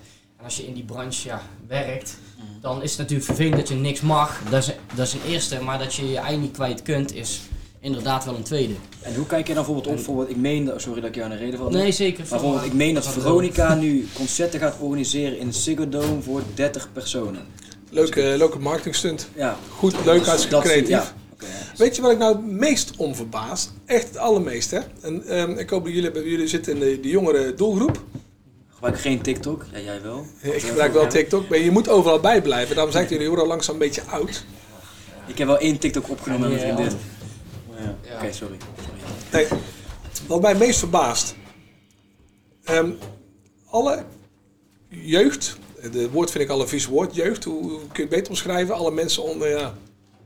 Nou, daarmee zeg je dat ik oud ben. Waarom komt de jeugd laten zich zo gijzelen, terwijl er bij hun nul gebeurt. Eh, onder de 30 gebeurt, er, zijn ze, ja, gebeurt nagenoeg niks qua besmettingen, qua eh, mensen in het ziekenhuis, qua overlijden. Het is groter dat de kans dat je neervalt met een parachute dood, dan dat- iemand van jullie eh, eh, doodgaat aan corona. Hoezo zijn jullie zo stil? Waar is die flauwe pauwe tijd dat mensen op de barricade staan? Doe eens even normaal. En, eh, Ik denk het, in ieder geval voor mij persoonlijk. ehm, Oké, ik ga er misschien niet dood aan of ik ga niet naar het ziekenhuis, maar mijn vader of mijn oma wellicht wel. En ik denk dat je daardoor wel een beetje een soort van terughoudender bent in naar het Malieveld toe te stappen of om naar het Malieveld toe te stappen. Dus- denk ik. Ik heb er andere mening over hoor. Ik vind namelijk dat eh, er nu door de politiek op een politieke manier ehm, eh, gehandeld wordt. En ik vind dat je de mensen moet beschermen die het nodig hebben en dat maximaal doen. Achteraf gezien, is een beetje een kont in de koe kijken, ehm, eh, hadden ze beter de, de mondkapjes in de verpleeghuizen kunnen geven dan in het ziekenhuis. Eh, misschien, omdat daar meer mensen zijn overleden dan in het ziekenhuis. Eh, natuurlijk is het een nieuwe ziekte. En natuurlijk is alles, eh, nou ja, compleet nieuw. En niemand weet het. En ze, wat Rutte altijd zegt van ik moet een beslissing maken op 50% van de kennis die we hebben. Ja, ehm, als je op je social media kijkt hoe mensen reageren in april en mei, toen mensen in april naar het strand gingen, hoe je veroordeeld werd, hoe asociaal je was. En als je terugkijkt, heeft het helemaal geen effect gehad. En drie weken geleden staan er stukken in de krant dat de virologen spellen dat, eh, of begin eh, april, dat half mei IC's op 2500 mensen vol zou liggen. We hebben de 1500 net gehaald. 1500 te veel vooropgesteld. Ja. Eh, dus ook zij hebben structureel, weten niet wat er gebeurt. Dan, als je ziet wat voor, waar de economie naartoe gaat, de, de, de klappen die wij krijgen en ehm, die eigenlijk zij mogen gaan betalen, de jeugd onder de 30 gaat dit betalen grotendeels. En ik van, hé hey jongens, kom op, laat jullie stem eens een keer horen. Waarom, waarom eh, als uh, makkerschaap aan de zijkant staan van, ja, ik, ik mis een beetje de, het lijkt, wel, of zo, of- of ze, het lijkt wel of ze het te goed hebben. Of ze te veel geld hebben. Of dat ze. Je hebt wel, we hebben misschien weer een eh, slechte tijd nodig om die creativiteit bij hun eruit te halen. Ik denk dat dit ook voortkomt uit hoe lang het nu al duurt. En, en, en de tegenslagen die je ook hebt gehad, wij hebben gehad, hè, van, vanuit ons allemaal. Maar ik ben ook heel benieuwd, hoe, toen het net vier weken oud was, hoe stond je toen erin? Vol, ik zei lockdown. Ja. Ik zei als eerste van jongens, het is eh, goed. Fijn dat die eh, lockdown komt. Ik voelde, eh, ik vond het belangrijk. Ik denk van dit, dit moeten we aanpakken met z'n allen. Vanuitgaande toen dat het een maandje was en hup. En we zijn op kantoor, we gaan opruimen, we gaan cursussen doen. We gaan energie geven aan elkaar. We vonden het allemaal fijn. Kunnen lekker thuiswerken even bij elkaar. Het was eigenlijk een soort... Verademing. Nee, de reorganisatie was niet van toepassing. We waren niet bezig, want er was, de, toen waren we nog niet bezig met de diepe van de crisis van nu. Ja, oké, ja. je waren, was vooral bezig met van, nou, eigenlijk wel leuk een maandje dit meemaken een keer. Nou ja, en op een gegeven moment loopt, wordt het erger en erger en erger. En dan, ja, dan hoor je nu dat het, eh, waarvan de, de, de ministeries verwachting is dat de, de, de economie een dip zou meemaken en dan omhoog zou schieten, dat het nu een recessie wordt van twee, drie jaar minimaal. Ja, de- en die wij nog nooit hebben meegemaakt. Eh, en ik ook niet. En mijn vader en moeder niet. Eh, dan denk je van, oké, we gaan nou ergens instappen met z'n allen. Ehm, Ja, je weet niet hoe het eindigt, of je weet niet waar het naartoe gaat, of je weet niet waar het...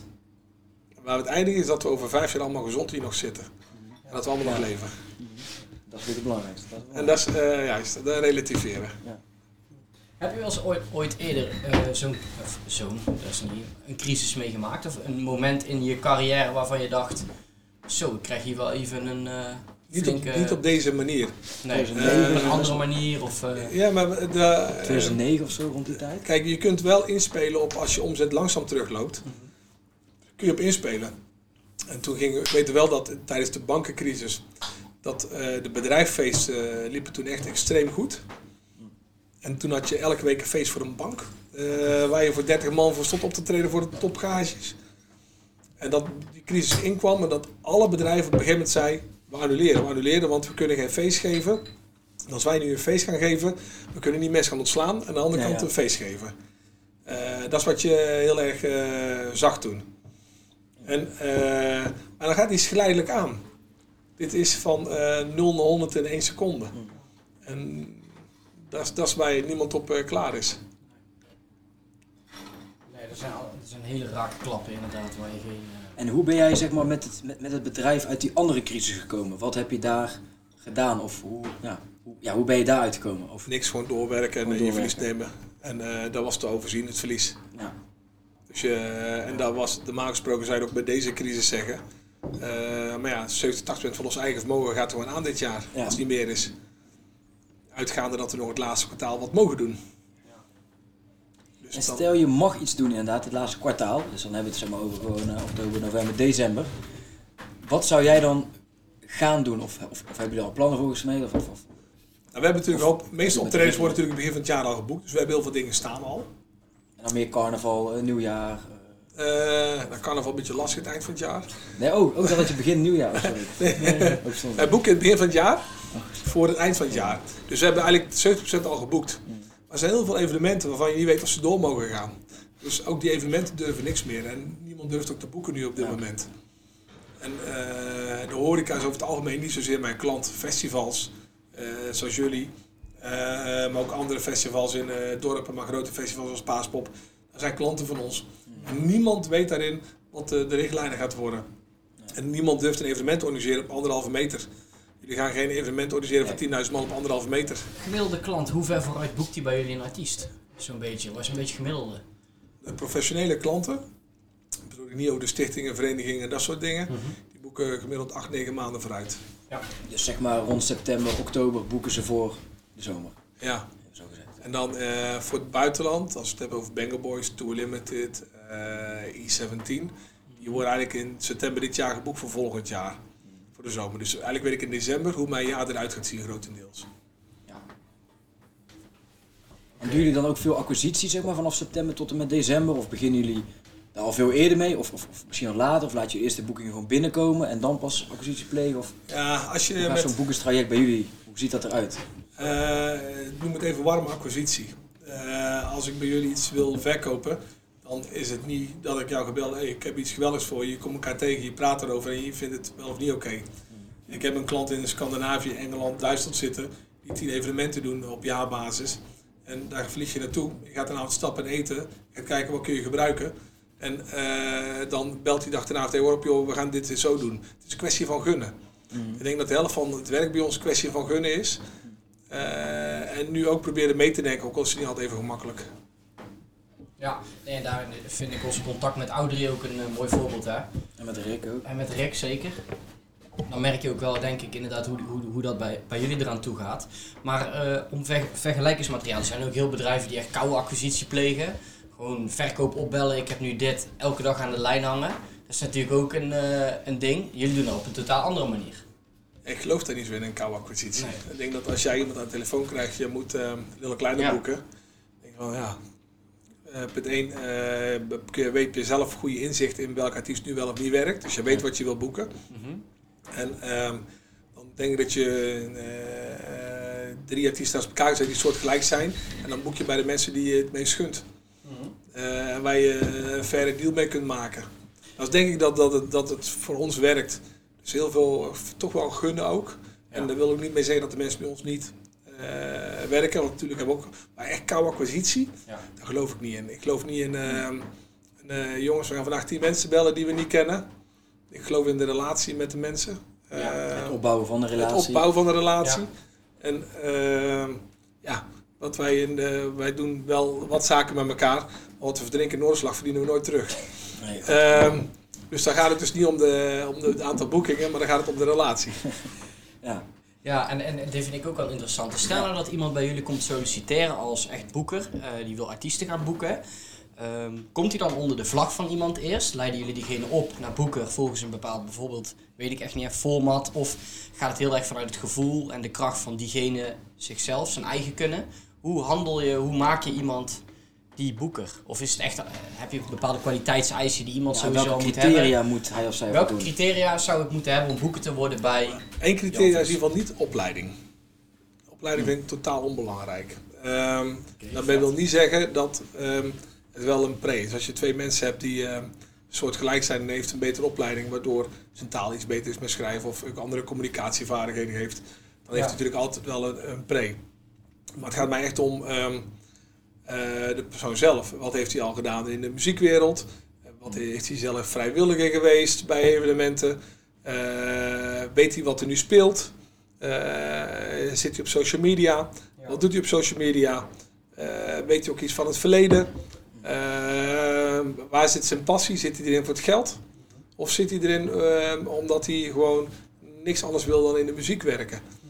En daar zijn, eh, als wij ook in crisistijden waarin eh, bedrijven, eh, een vriend van mij heeft een accountantskantoor in Den Bosch.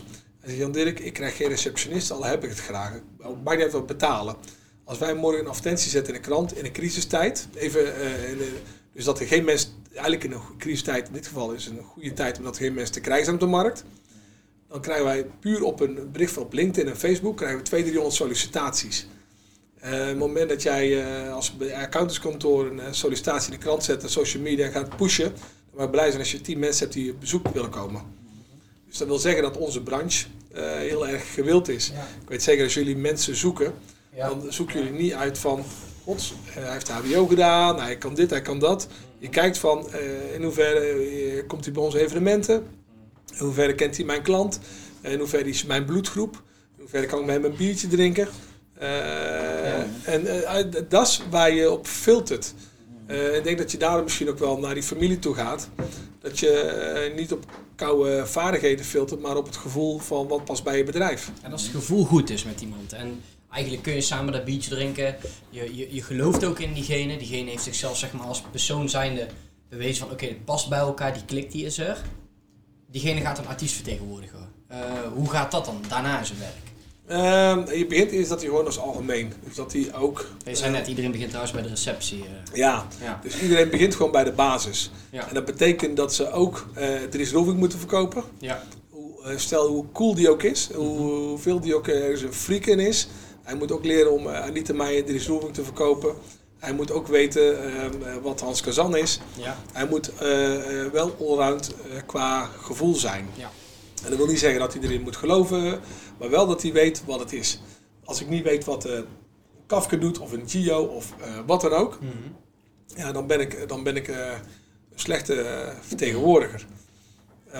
Omdat je namelijk wel iedereen aan de telefoon krijgt. Ja.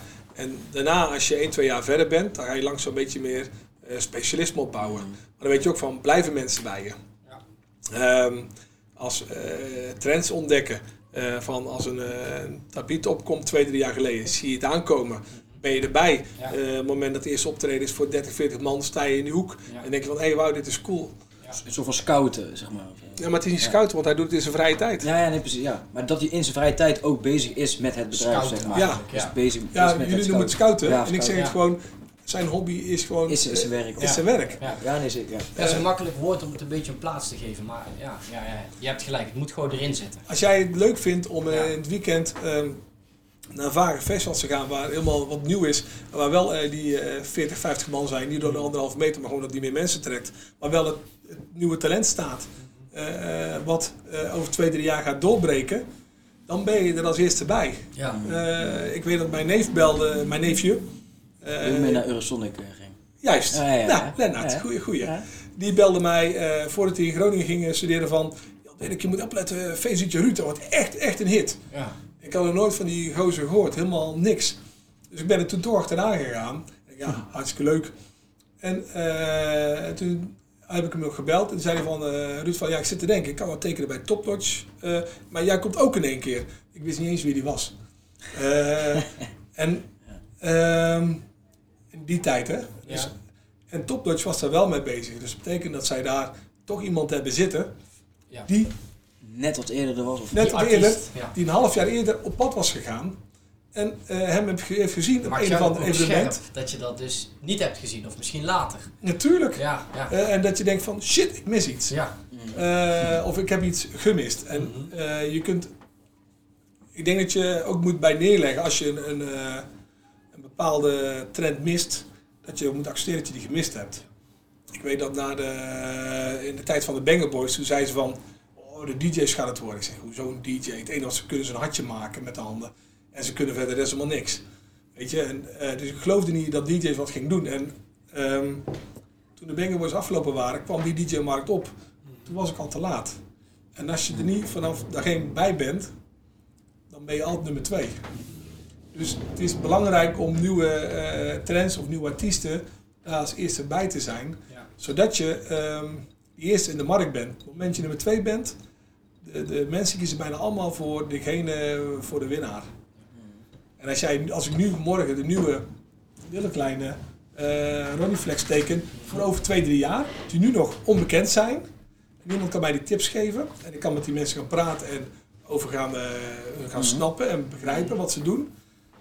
Dan ben je weer eh, oké voor de komende tien jaar. En dat is waar je constant mee bezig moet zijn. Op welke act ben jij het meest trots dat je die hebt, tussen haakjes, hè, binnen hebt gehengeld? Op, op, op Zijn- welke act? ja. Dat vind ik een, eh, een goede vraag. zijn er eigenlijk, ja. Eh, het is meerdere kan ook, hè? Nee, het, het is een beetje. eh, sommige acts ben je heel erg gebrand om binnen te krijgen omdat ze dan succesvol zijn. Maar de acts waar ik het meeste energie van gekregen heb, het meest trots heb binnengehaald, zijn artiesten waar je mee vanaf nul bent begonnen. Mm, Ja. En dat zijn toch eh, Charlie Lawrence, Menatio en Bengal Boys. Ja. Ja, Party mee- Animals. Party Animals, waar je vanaf nul eh, Ja. mee begint en waar je eh, wereldsuccessen. Waar je Bengal Boys hebben iets van 150 gouden platen hangen op ons kantoor. Ehm, Mooi kantoor heb je dan. eh. ja, nou, de helft zat in dozen. Ah, Eh, maar die kwam je na zes jaar weer tegen. eh, ja, nou, nou ja, je zegt het dus letterlijk dus. En daar krijg je de meeste kick van. Maar ik vond het ook heel eh, tof dat drie, vier jaar geleden... dat we met David Hasselhoff eh Ja. Europa eh tour mochten doen. En ik van, oh, cool. Weet je, daar kreeg ik ook echt een, eh, een enorme eh, kick van. En ehm, dan leer je ook dat met zo'n artiest omgaan toch weer anders is dan met eh Amerikaanse artiesten. Is toch wel een gevoel en mentaliteit anders dan een Nederlandse artiest. Nederlandse zijn wel meer doe maar normaal en oké. Ja. en de Amerikaanse die moet echt, weet je, als je een interview krijgt. eh, op een gegeven moment kreeg ik een aanvraag voor een interview. Ik zat in de auto met, eh, met David Hasselhoff. En ik, ehm, ik zeg tegen hem van, zou je dit willen doen? Hij praat tegen mij van, zou David Hasselhoff dit doen? Ik denk van, zou David Hasselhoff? Waarom praat je in de, de derde vorm? Waarom, hoezo, ehm, ehm, eh, als ik jou vraag, zeg, wil je dat doen? Oké, zeg ja, dat wil ik wel doen, niet Oh, doen. niet. Ja, en die man leeft compleet in een andere eh, Dementie, waas. dimensie Ja. qua persoonlijkheid. Hij, de persoon die die is in tv, dat is ook de persoon die die is in werkelijkheid. Ehm, waarin heel veel artiesten nog wel twee verschillende levens hebben. Eh, en dat ze thuis anders zijn dan eh, als op het podium staan. En hij was gewoon zoals hij is. Eh, en ook qua persoon. En heeft, ja, dat is gewoon eh, wel een hele eh, unieke ervaring om met hem eh, te toeren. En ook natuurlijk, omdat hij is voor mij mijn, mijn jeugdheld. Eh, vroeger met de Knight Rider, eh, Baywatch. Ja. Ja, dan kom je in één keer in aanraking met een artiest die voor jou wereldwijd gewoon Ja, echt ja. de icoon was. En dat is, dat is natuurlijk eh, ook leuk. En ehm, ik vond het ook leuk de Right Set Fred. eh, die doen hij voor heel de wereld exclusief, Engels artiest. I'm too sexy for my shirt. Ja. Ehm, en dan kiest een Engels artiest die eh, toch wereldwijd met twee hits op één gestaan heeft. Die kiest voor ons voor heel de wereld. Ja, dan vind je gewoon een kick. Ook al is het qua omzet misschien niet wat het doet voor anderen. Maar de, de energie die het je geeft van... Ja, het is mij gelukt. die creativiteit en die... Ja, en dan heb je ook met E17, 5, Atomic Kitten, Ja, al die eh acts. alles wat je nu ook opnoemt, past ook binnen, binnen Smerk, zeg maar. Snap je? Dus daarom vinden wij het zo leuk. Daarom was ook net mijn punt van die 90s act. Dat, die, die nummers daarvan, we hadden het ook met Audrey over de vorige keer dat we daar zaten van, wij kennen zeg maar enkele platen en niet het hele repertoire of, of, of hoe die show eruit ziet. En die kant kennen jullie dus weer wel. En eh, ons publiek kent de hits, maar ook weer niet alle hits. En dat, dat is, ik, vind, ik weet niet, vind ik gewoon iets tofs of zo, toch? Dat je, dat je die kant vertegenwoordigt die mensen eigenlijk allemaal kennen, maar ook weer totaal niet. En dan ga je eigenlijk even terug naar een andere kant toe. Credible, Mhm. niet credible. In de jaren 90, dus na, vanaf, ehm, eh, zeg maar jaren vanaf 94, 95, toen eh is begonnen met Charlie en Theo. Daarvoor had je nog heel grote... eh, en, ehm, al die artiesten toen, die waren... ehm, de muziek die er was, was toen ook al niet credible, maar gewoon gezellige feestmuziek. En die werd gewoon gedraaid op de radio. Zoals ook Anita Meijer werd gedraaid in de Ja. jaren 70 op de radio. En er zijn nooit credible artiesten eh, eh, geweest of geworden, zoals een Bluff of een eh, Dijk of hoe je het ook wilt noemen. En ik denk toch dat doordat de radio in de jaren 90 deze artiesten gewoon volledig draaide op radio en dat het daarna naar de DJ's gegaan is. En de DJ's hebben veel minder een gezicht. Want die dansjes van de Banger Boys van vroeger, die, eh, sommige mensen herinneren die nog. Dat was cheesy, was leuk. Daarna moet het er allemaal wat cooler en wat hipper zijn. En ik denk dat ook dat de jaren 90 dat die nog populair zijn, ook te maken heeft dat de Zero's veel minder een gezicht heeft. Eh, iedereen kan zich eh, in zijn hoofd de Party Animals met Havana Gila, Heavy. Mellow, eh gabberen. Iedereen vindt dat grappig, leuk en heeft niks met credible te maken, is gewoon met gezelligheid te Ja, maken. Pilsje erbij. En juist, en hoe credibler voor de buitenwereld het wordt, denk hoe minder het gezicht het soms heeft voor langere termijn. Ja. En waarom is het Songfestival nog steeds zo geweldig? Ja, het heeft niks met credible te maken. Ja. Het heeft te maken met gewoon gezelligheid en met eh, een bepaalde platheid. En ik denk dat de jaren 90 onder andere zo succesvol zijn, omdat het gewoon down to earth, gezellige, platte muziek is, zonder meteen een boodschap. En de formule is misschien wel dat dat juist heel goed past bij wat jij als persoon, jouw ouders, allemaal graag ook wilden en wie ze een beetje waren. Ja, absoluut. Gezellig. Ja. Maar dat wil niet zeggen dat wij nu met artiesten. Wij zeggen, ik ben ook een chameleon. En dan wil ik mee zeggen dat dat als artiest ehm, wel de kant op gaat van: oké, we gaan een serieus een poppodium tour doen. We gaan proberen. Gegeven moment, ons doel is over een paar jaar in AFAS te staan of in Ziggo Dome. Dan bewandel je een ander traject dan iemand die zegt van. Jongens, ik wil gewoon 200 keer lekker het land met een tapeje optreden. En Ziggo, gewoon gezelligheid, ja. vol gas. Ja. Er zijn verschillende paden. Ja. En elk pad kunnen wij mee wandelen. Ja. Ehm, omdat ja, je weet, dat is het voordeel, je weet hoe die paden lopen. Omdat je ze al honderd keer gezien hebt of Ja. eh, meegelopen hebt. Maar de formule ook de, de, de relatie creëren en investeren in contact, dat is wat, waar jullie misschien dan wel het beste in zijn in zo'n traject. Eh, ja, en, maar ook het accepteren dat als jij die kant op gaat van. Eh, het is een beetje een gek woord, credible, niet credible. Ik hoop- begrijpen jullie wat ik mee bedoel trouwens? Zeker, Even, ja, ja. Ja, maar, ja. Ehm, ja, ik leg, ik leg hem even uit, die misschien. Ehm, dat zo'n pad kiezen van niet credible ook gewoon 70% omzet scheelt. Je verliest op korte termijn heel veel omzet. Dus je maakt ook een keuze voor artiest en niet voor de omzet. Dus je, eh, en dat kan best betekenen dat je over drie, vier jaar meer omzet draait. Dus je neemt een bepaalde gok. En je doet het om mee het bouwen van een artiest en van een merk. En dat is wat je, wat je per artiest eh, doet. En op het moment dat iemand zegt van... Jongens, ik vind het leuk om bij elke dorpsfeest te staan en laat me maar 200 keer per jaar tapen. En eh, we gaan vol gas erop en eh, vijf op een avond en lang leeft de lol. Is een andere artiest dan iemand die zegt van... Mijn doel is om in Ziggo Dome te staan en ik heb liever tien optredens minder.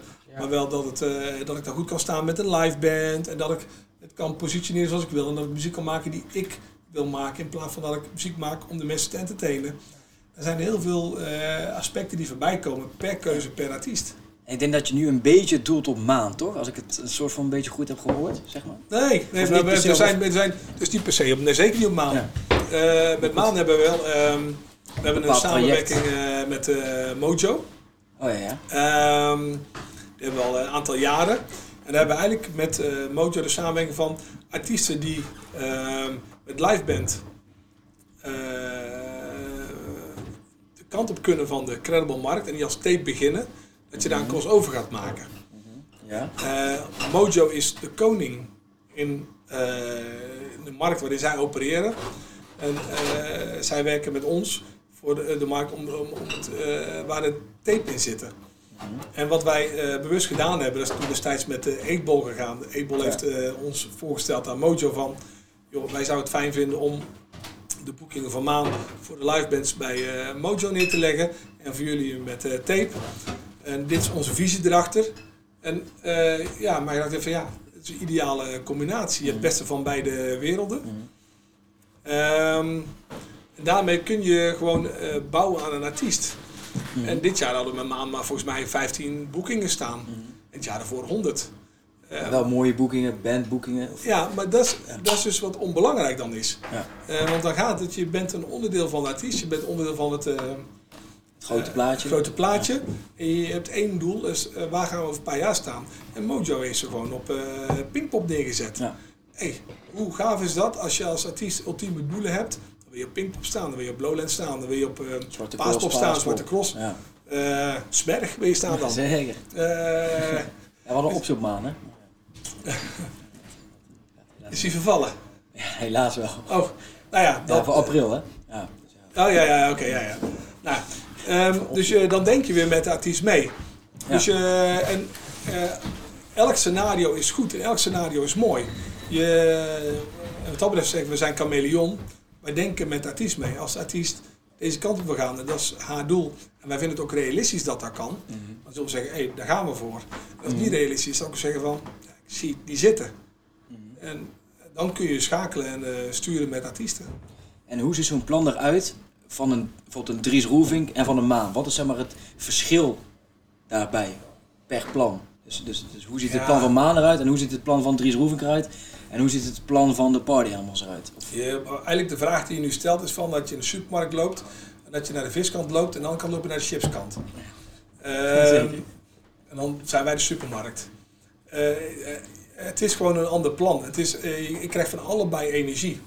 Als Dries nu elke dag bij Radio 1 een column heeft, ehm, waarin hij ook ministers mee interviewt, waarin hij serieus neergezet wordt, Ja. dan vind ik dat echt, echt super mooi. En zo het als doet. En zoals hij zichzelf opbouwt in de tv-carrière met RTL Boulevard. dat van een paar jaar geleden van zijn gele zwembroek. Dat hij nu langzaam gaat naar iets serieuzer. Eh, waar Dries mee worstelt is dat hij eh, nu... Dries, geloof ik. Hij staat op de poster. Ja, Nee, nee, nee, staat er niet bij. Nou, Dries, wat, wat, eh, Dries is Ja. een mooi voorbeeld eigenlijk wel. Eh, als artiest zijnde zingt hij liefst mooie kloeners. En dat hij mooie muziek maakt.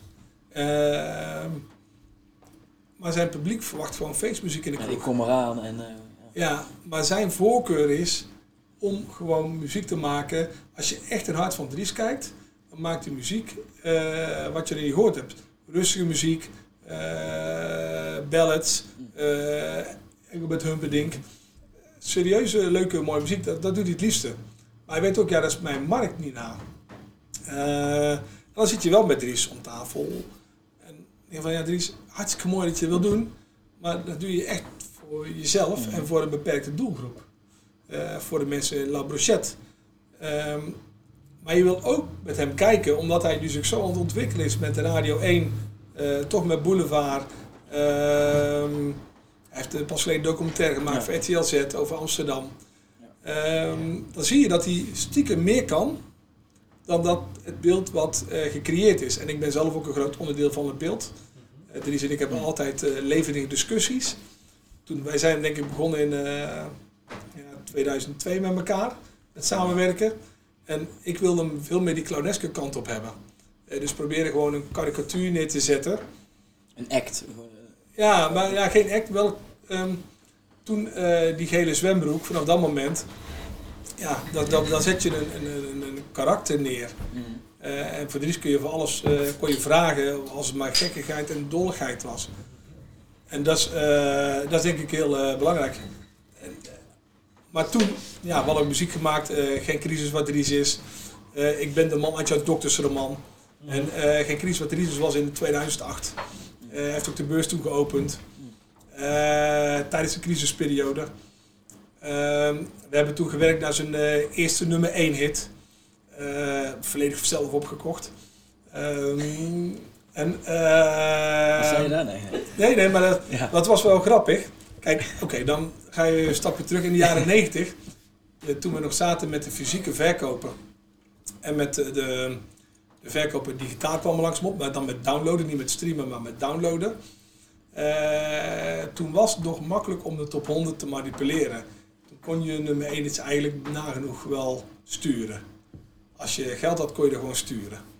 En dat is ook gewoon gebeurd in die tijd. En toen hebben wij twee, drie maanden gewerkt naar een plan van hoe gaan wij op nummer 1 komen.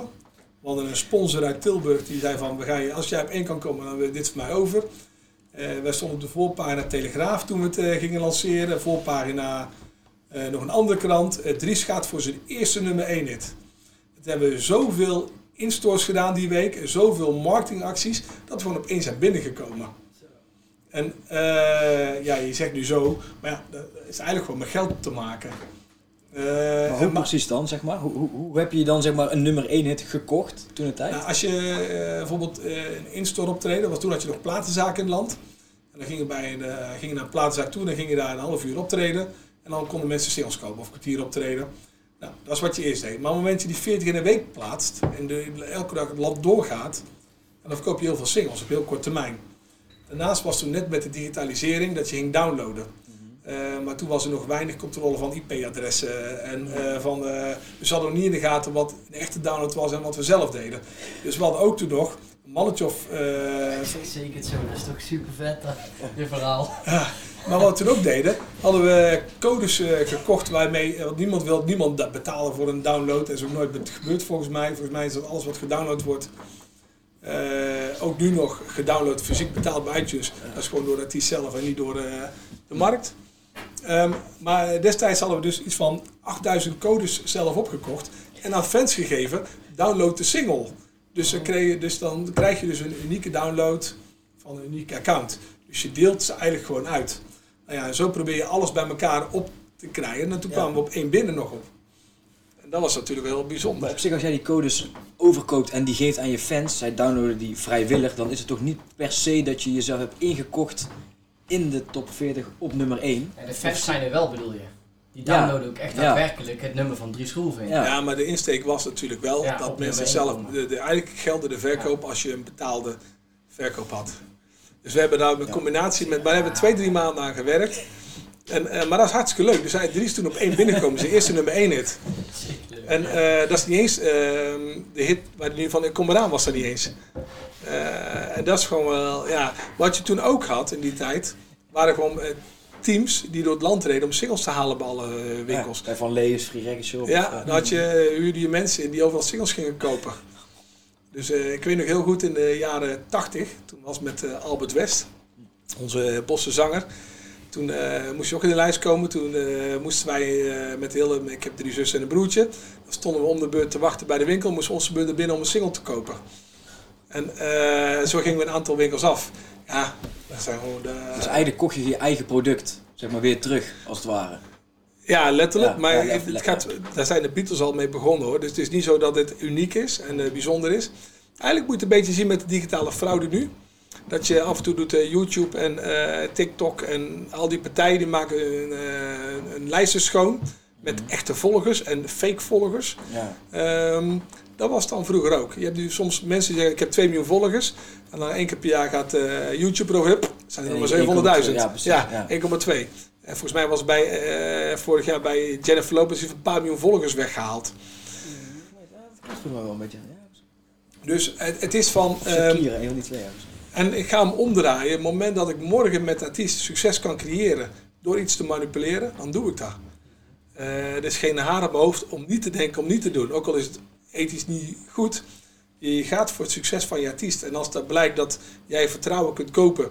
Doordat jij eh, in één keer 100.000 volgers hebt. En mensen zeggen, oh wauw, die moet ik gaan volgen. En waardoor je daardoor in een slipstream terechtkomt. Dan is dat een begin van een marketing tool. Hier hebben we het echt over een zakelijke kant. Ja, zeker. Ja, nee, nee, nee, ja, maar het is een creatieve kant. Het gaat om het succes. Creatief zakelijk, denk ik. Ja, dit, je, je gaat voor het succes. Ja, Als jij morgen voor... Kost eh, wat kost. ja die band met die... Ja, ja, ja. als, als iemand... ehm, eh, als je dan kijkt naar de doping bij wielrenners of bij de, de sprinters...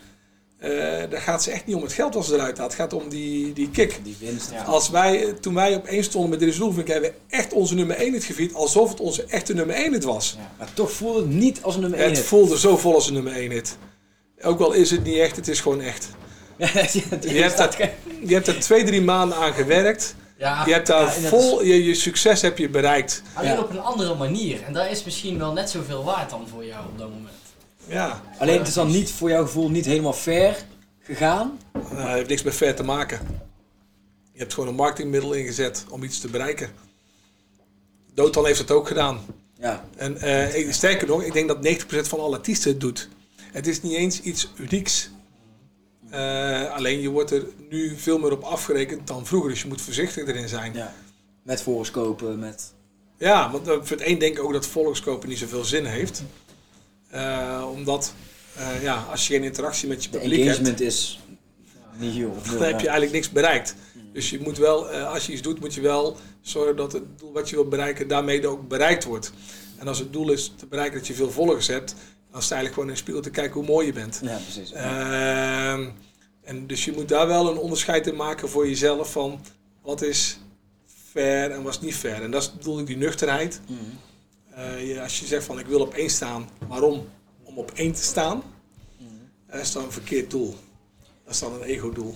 Ik weet niet of ik het mag vragen hoor, Jan Dirk. Ik heb jou een keertje, eh, voor mij toen ik jou ontmoette op Eurosonic, vroeg ik deze vraag ook. Stel ik deze vraag ook. Er kwam een paar biertjes op, dus eh, schud ik het gewoon uit mijn mouw. Toen wij nog niet in de muziekindustrie eh, werkzaam waren, toen, ik keek altijd Rambam. En eh, daar kwam jij ook aan, aan bod of aan het licht. Wij waren de koning. Ja. en eh, misschien kan je dat verhaal, als je dat wil, uitleggen van hoe, hoe, hoe ging dat? Want je had in ieder geval, hoe, best wel lang geleden dat ik die heb gezien. Dat was zo, zeg maar, gewoon die mensen van Rambam hadden een artiest, voor mij Harry Slinger. Harry Slinger. Ja, Harry Slinger had ze gevraagd om eh, een nummer te maken in samenwerking met Rambam. Rambam is een televisieprogramma. En zij wilden door middel van jou in de top 40 komen. Ja, En dat was ook gelukt. ja. ja dat, is, ehm, Ja, zo. Nou, dat is een van de nee, vele artiesten die we geholpen hebben. Dus het is, het is geen eh, iets, iets unieks. Nee. Ehm, eh, wij werden benaderd door. Wij, wij, de- wij deden best wel veel eh, marketingacties. Wij noemen het marketingacties door het land. Ja. Om artiesten te pushen in, op een bepaalde plaats in de top 100. En ehm, daarbij werkten wij met echt tig bedrijven. ehm, die eh, marketingacties ondersteunen. Hebt ook nog zo'n bedrijf met, z'n- met zijn naam kwijt. Dat je een eh, wielwijzer moest trekken. eh, duwen en dan kwam er een cijfer uit en dan kreeg je een code. Met die code kon je single downloaden. was dan de prijs. Eh, maar ja, die single was toevallig net die single die wij erin deden. Maar als je dan wel 10.000 mensen hebt op een dag, die, waarvan 3.000 single die single nodig dan kun je dus gewoon single manipuleren via leuke marketingacties. En daar waren wij echt de koning in. En daar ging ook echt veel geld in om in die tijd. Eh, en dan praat je over artiesten soms, soms tussen de 20 en 30.000 euro die investeerden om gewoon een mooie positie te krijgen. Eh, en daar, via Harry Slinger was er ook nog een, een actie op eh, ontstaan en die had eh, ons eh, benaderd. We voelden, ik voelde wel nattigheid. Ehm, maar ja, Harry Slinger belde zelf en ik van ja, waarom ook niet? En punt twee ook, ehm, ik schaam me er ook niet voor. Ja, ja, ja. ja, dat zei je toen ook in die aflevering. Toen ging ze jou interviewen. Ja. En toen zei ik van ja, ik doe dat. Ja. Dat vond ik ook wel sterk. Dus Dat is, dat is Ja. eerst als je, En eerlijk, wat je net in het begin ook zei. ja, en als je weet dat eh, ook de Beatles het deden in 63, is het ook verdomd groot mee geworden door manipuleren. Ehm, daarmee zeg ik niet dat manipuleren een succes was, maar het is een steentje wat bijdraagt aan eh, een bepaald imago of beeld wat je gaat creëren. Ehm, maar dus Harry Slinger heeft ons benaderd en ehm, we hebben Harry Slinger mee de- via allerlei acties de, de top 100 in geduwd. Vervolgens hebben ze ons Geslingerd? ja. Ja, gewoon ge- geforceerd. Vervolgens hebben wij, eh, zijn we benaderd door Rambam en vroegen ze langs mochten komen en die mochten langskomen. En die zei van, eh, jij hebt eh, allemaal vier ingewikkelde constructies, jij hebt iets illegaals gedaan, je hebt uh, Harry Slinger in de top 100 gedaan. Ik zei nee, ik heb niks illegaals gedaan, we hebben gewoon Harry Slinger in de top 100 geholpen. Ehm, en ook zeggende dat we dat doen voor meerdere artiesten en ook niet mee stoppen. Nee, ja, dat zei. Ja, precies. Ja. Dus je staat gewoon echt vol, vol achter wat je toen aan het doen was. En dat is ook een duidelijke boodschap. Ja, natuurlijk heb je Ja. wel bepaalde schaamte. Je moet het maar zien dat iedereen in de branche weet Ja, ja. eh, dat het gebeurt. Iedereen in de branche weet dat het eigenlijk niet kan. Iedereen werkt eraan mee. Eh, alleen wij hebben altijd het middel destijds. Ehm, dus we hebben daar heel veel ehm, artiesten mee geholpen. Ehm, en misschien ook andere artiesten mee benadeeld. Dus je kunt ook omdraaien. Als je eentje helpt Zeker. om te winnen, Ja. dan degene die echt had gewonnen, had Ja. kunnen winnen. Ja. Dus het is, het is natuurlijk een, er zit wel een ethische kant aan.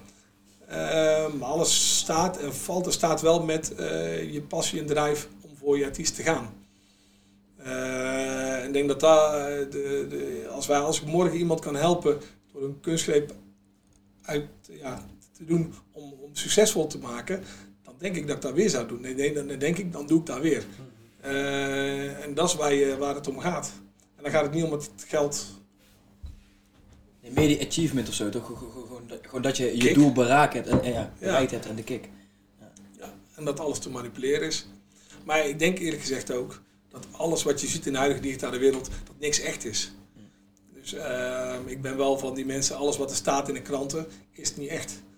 Eh, ik denk dat je, dat je bij elk bericht wat je leest, dat je eh, daar eh, twintig verschillende meningen over kunt hebben.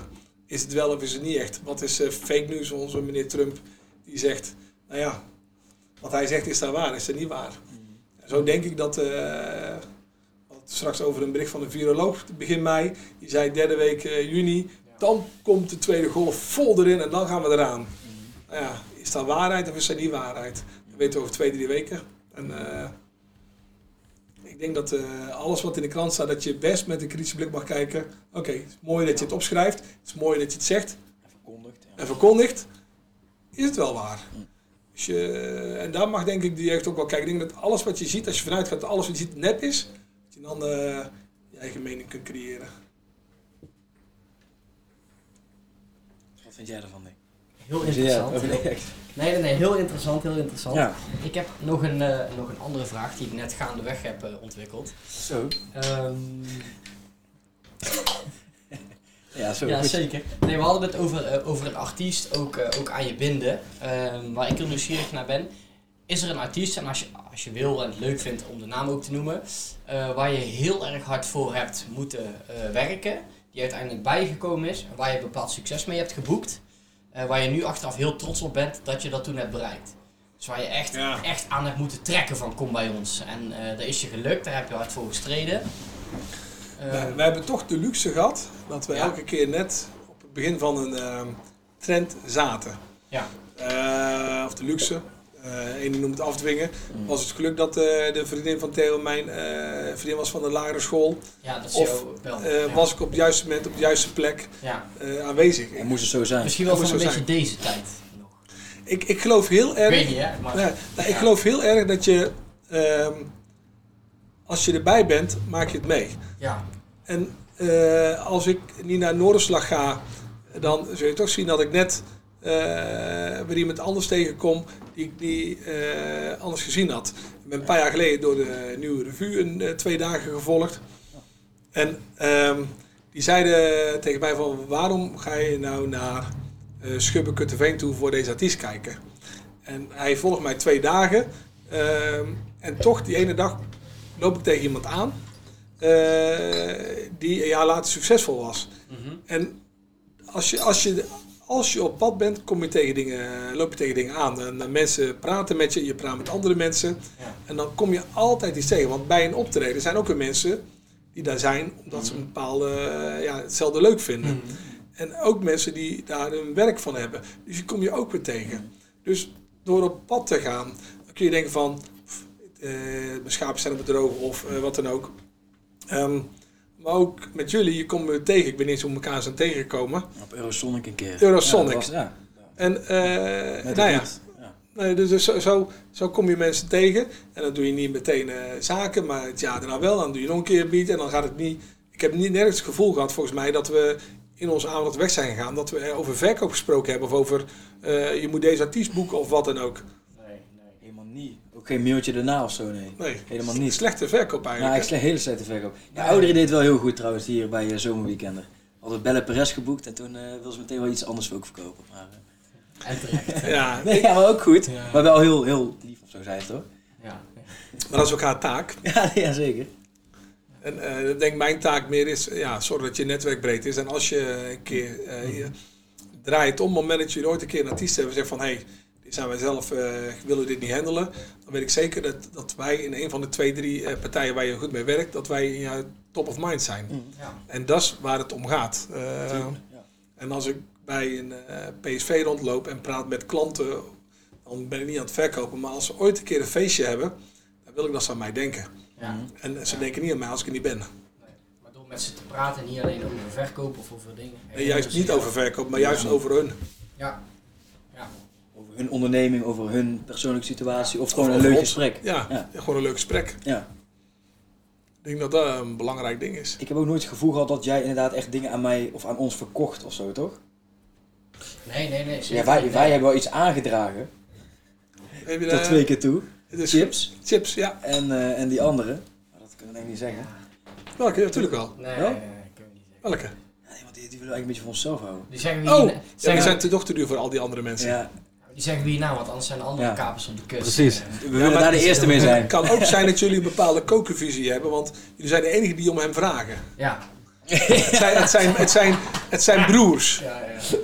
ja. Ja, en Jesse, vindt- nou, oké, Jesse vindt het Jesse iets te duur. eh, Maar, En het zijn broers waarvan eentje in Londen werkt. ja, precies. En dan eh, een leuke vraag van in de podcast, kijk naar voren komt. Maar nog één ding, eh, Oh. Jan Dirk. Nee. eh, maar, ah, kut, sorry. Maar, ehm ja, wel nog één ding. Ehm, ik weet nog dat wij hadden gesproken over chips toen de tijd. En dat ging echt een soort van een jaar overheen. En jij ging bij mij peilen van, hey, Bin, ken je deze act nog? Is het interessant om hiermee in te stappen? En zo jij wil jij de primeur hebben. En toen heb ik jou voor mij bijna, nou niet elke week zeker niet, elke maand even een beetje gewoon geappt of gestalkt. Of van, hey, hoe ver ben je met chips? Hoe ging dat weer op het traject over, de, over dat pad. Hoe ging dat traject met chips?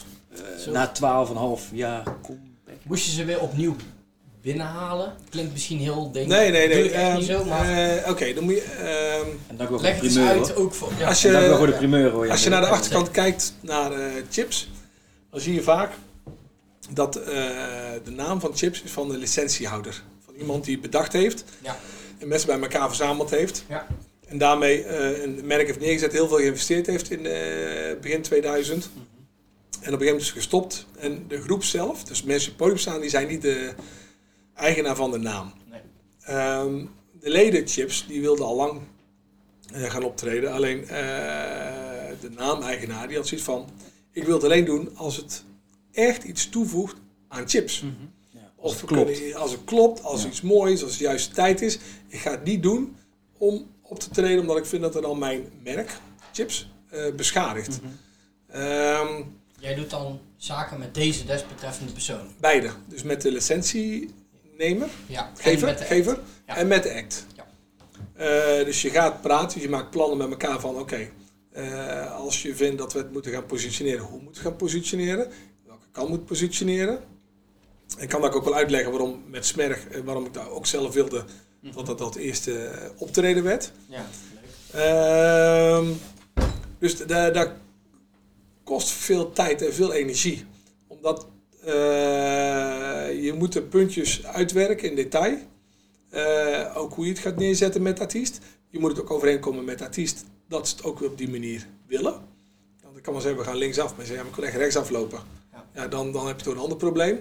Dus, eh, en dat kost gewoon veel tijd. En eh, het, het gaat hier om het creatieve proces. En als de- de manager, het, het- of de naamlicentiegever, het gevoel heeft dat mijn creatief proces eh, komt in gevaar, dan stopt hij. Het gaat niet om het geld. Het gaat om de. Om de Ik, act. ik heb een merk neergezet en ik wil niet dat het op een andere manier neergezet wordt dan dat ik voor ogen had. En dan kan de artiest zeggen, ja, maar ik ga het zo doen, ik wil het zo doen. Management heeft daar toch net een andere gedachte over. Eh, en dat heeft gewoon een tijd geduurd voordat we ze eh, nou ja, allemaal op dezelfde golflengte hadden. Ja. En iedereen begrijpt het ook en iedereen snapt het ook. En het is ook een beetje, ziet maar als eh, vader met een klein kind die voor het eerst gaat stappen. Je mag stappen. Maar je bent ook bezorgd om je kind. En in dit geval is de licentiegever, Chips is zijn kind. Ja. Hij wil graag dat het goed... eh, Dat je goed gaat stappen. dat hij goed gaat stappen, op een goede manier gaat stappen. En dat het op een manier gaat zoals hij voor ogen heeft. Eh, maar ook wel rekening mee houden dat zijn kinderen misschien toch een andere gedachte hebben. En dat is gewoon een creatief proces wat eh chameleon gaat zijn waar je tussenin moet gaan sturen. Dus toen wij daarmee eindelijk eh, alles recht hadden, contractueel voor elkaar hadden, eh, met de artiest en de licentiegever, toen was van hoe gaan we het neerzetten? Eh, Chips was een kinderact destijds. Dus ik wil zeggen, die traden op voor kinderen. En in die tijd deden ze gewoon 150 shows voor echt absurde bedragen in Nederland. En ehm, zij moesten weer gaan, eh, opnieuw gaan neergezet worden. Maar je wil natuurlijk niet dat ze voor de kindermarkt optreden, maar voor de markt waarin ze meegegroeid zijn. Hier komt smerk. Ja, maar, ja, maar er zit smerks nog een dubbele kant bij. Dan kun je beginnen bij eh discotheken, eh, eh, nou ja, noem maar op, waar dan ook. Mhm. Time-out. Nee, het is niet Oké. time-out, maar discotheek ergens in het, eh, waar dan ook. Ja. En daar bereik je niks mee. Want dan heb je een leuk eerste optreden. Eh Smerg is een super mooi evenement waar de katrandjes op zitten. Het is eh, wel exact voor de doelgroep waar Chips vroeger in zat. Die mensen zijn er eh, 100%. Eh, maar op het moment dat ik het positioneer als een kinderact, in plaats van als een nieuwe volwassen act die het leuk vinden om de kinderliedjes van vroeger mee te zingen, Aan de kindjes van toen. aan de kindjes van toen, Ja. dan moet je dat op een manier neerzetten eh, wat past, wat het in één keer stoel maakt. En Smerg met eh, de uitstraling die ze hebben, met een eh, bloot en met een borsten en met een Beatrix eh, half naakt en een Willem-Alexander, eh, zorg dat Chips meteen bepaalde kartenrandjes krijgt. En dat is belangrijk om, als je gaat kiezen van hoe ga je het positioneren. Je wil niet in een kindermarkt staan, dan wil je op een evenement staan die meteen kartenrandjes geeft en die de knipoog ziet. Die Chips destijds was.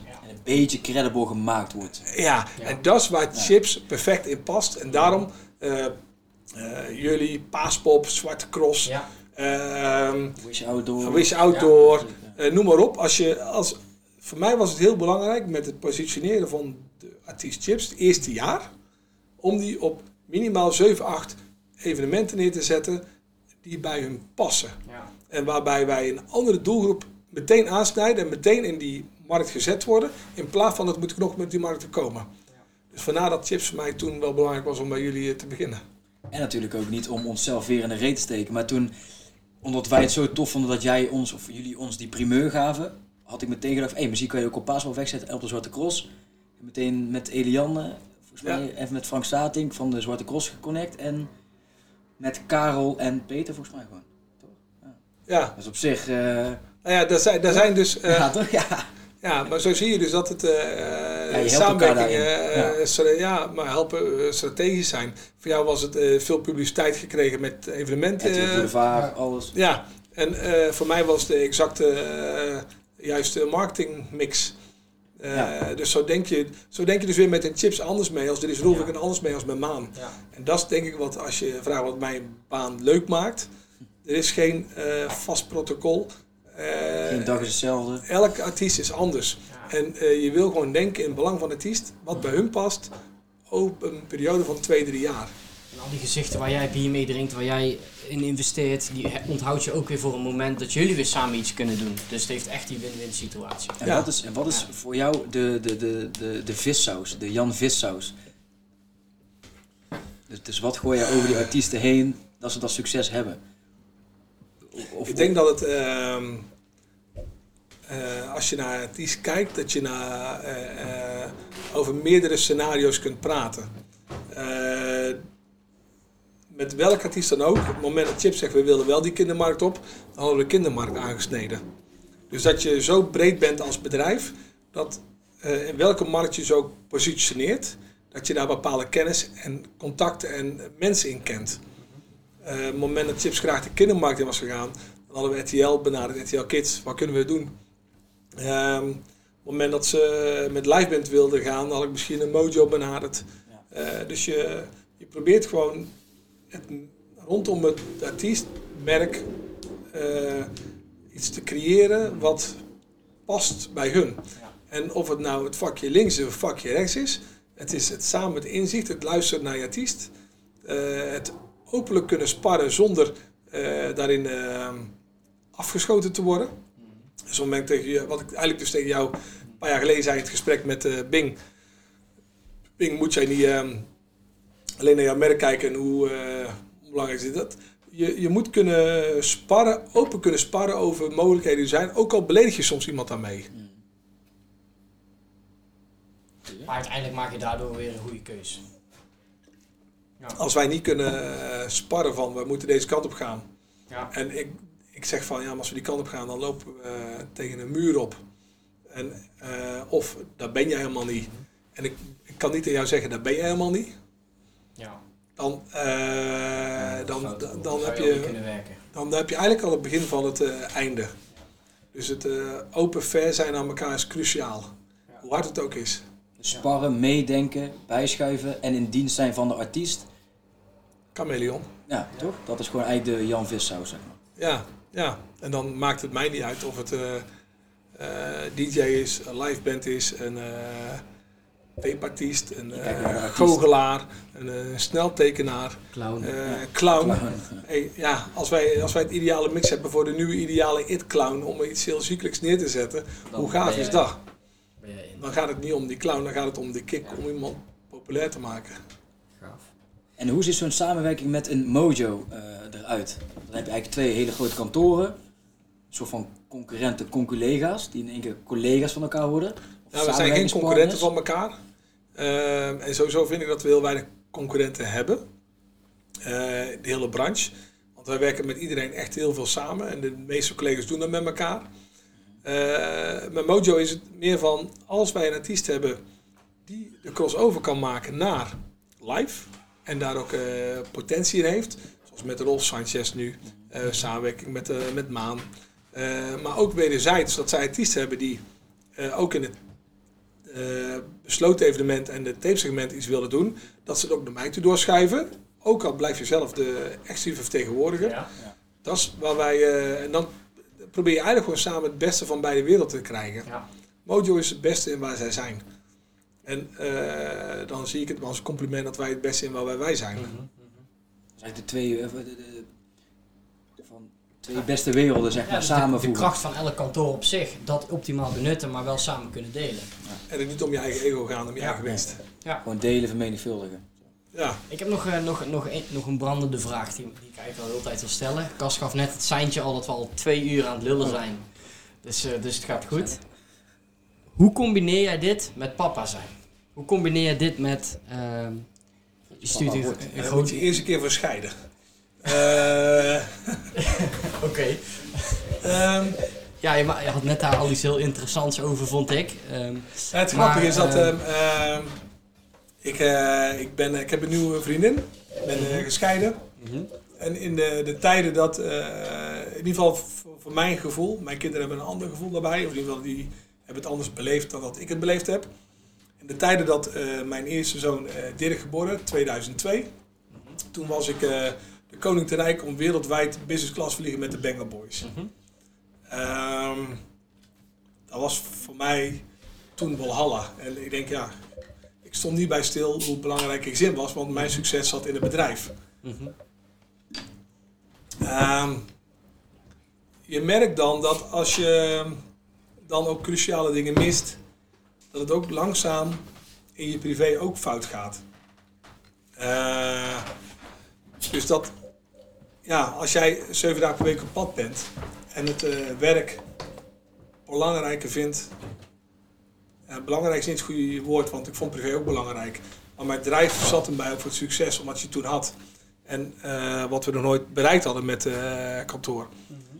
Dan, dan merk je dat het, ik zie het een beetje als Lego-blokjes.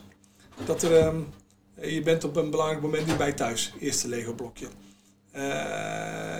Je, je komt allerlei dingen, prikkels van buiten kom je tegen die je belangrijker vindt dan thuis de kinderen van school te halen, mee naar zwemles. eh, zien. ja, dat, dat gevoel, eh, eh, dat is een van de redenen waarom ik nog nu een- eh, graag met mijn nieuwe vriendin een kind eh, wil. En die, eh, als het goed is, een beetje geluk eind augustus eh, zijn we de gelukkige papa weer, Heel nummer mooi. vier. Ja. Ehm, die stappen, die heb je, mijn succes, of mijn succes, en ook de tijd dat je te veel in jezelf gelooft, dat je jong bent en ehm, ja, ook een beetje Onbezonnen misschien of zo. ja, eh, blind bent, geen ervaring hebt in relaties. Eh, niet onbelangrijk. Ik denk dat ik nu anders in een relatie sta dan ik 20 jaar geleden stond. Omdat je al meerdere dingen meemaakt. Ook logisch. Ehm, en als je samen met z'n tweeën begint, ja, we gaan samen beginnen. Je, je vindt het normaal om te gaan samenwonen. Je vindt het normaal om eh, kinderen te krijgen. Je vindt het normaal om te werken. Maar je wil ook je succes niet missen. En eh, dan, sta je, dan, dan mis je gewoon dingen, omdat je ook gewoon de kennis en ervaring niet hebt. En eh, nou ja, dat heeft ook geresulteerd dat je op een gegeven eh, gescheiden bent, dat je ook te ver aan elkaar gaat groeien. Ehm, en dat is, balen. En dan komt zo'n fase na de scheiding, dat alles een beetje eh, bezinning. En iedereen heeft het over scheiden, maar voor mij was het mijn heftigste periode uit mijn leven. Toen mijn vader overleed, dacht ik van, dat is erg. Maar scheiden was voor mij het kwadraat erg van het overleden van mijn vader. Omdat je toch een bepaald gevoel van, shit, bent bij elkaar om eeuwig bij elkaar te blijven. Daarom ga je trouwen, daarom ga je kinderen beginnen. En je hebt niet de intentie om ergens uh, te scheiden. In ieder geval, denk je niet over na. En ook niet over de gevolgen. Je maakt je zorgen over je kinderen, je maakt je zorgen over alles. En dan uh, kom je in één keer alleen voor te staan. En dan zie je dat uh, de band bij mijn kinderen, van mijn gevoel, honderd keer beter geworden is. En ik kan er met mijn kinderen gewoon openlijk over praten van...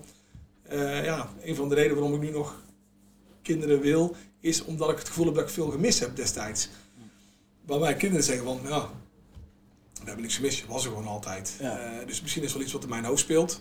Misschien is iets wat echt is. Het kan ook zijn dat ik in een andere fase in mijn werk en carrière zit, dat ik makkelijker dingen los kan laten, makkelijker thuis kan zijn. Als ik vroeger uh, uh, thuis moest zijn op vrijdagmiddag om twee uur s middags. dacht van ja, dat kan niet. middags, ja. Sorry, ik, weet je, ik moet s'avonds om om half zes even het eten en s'avonds ga ik naar optredens toe. Ja.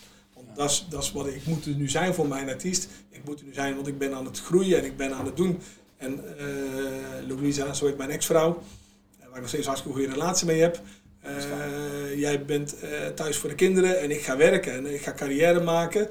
En daar waren gewoon afspraken over gemaakt. Maar dan zie je ook dat die balans eigenlijk niet goed is.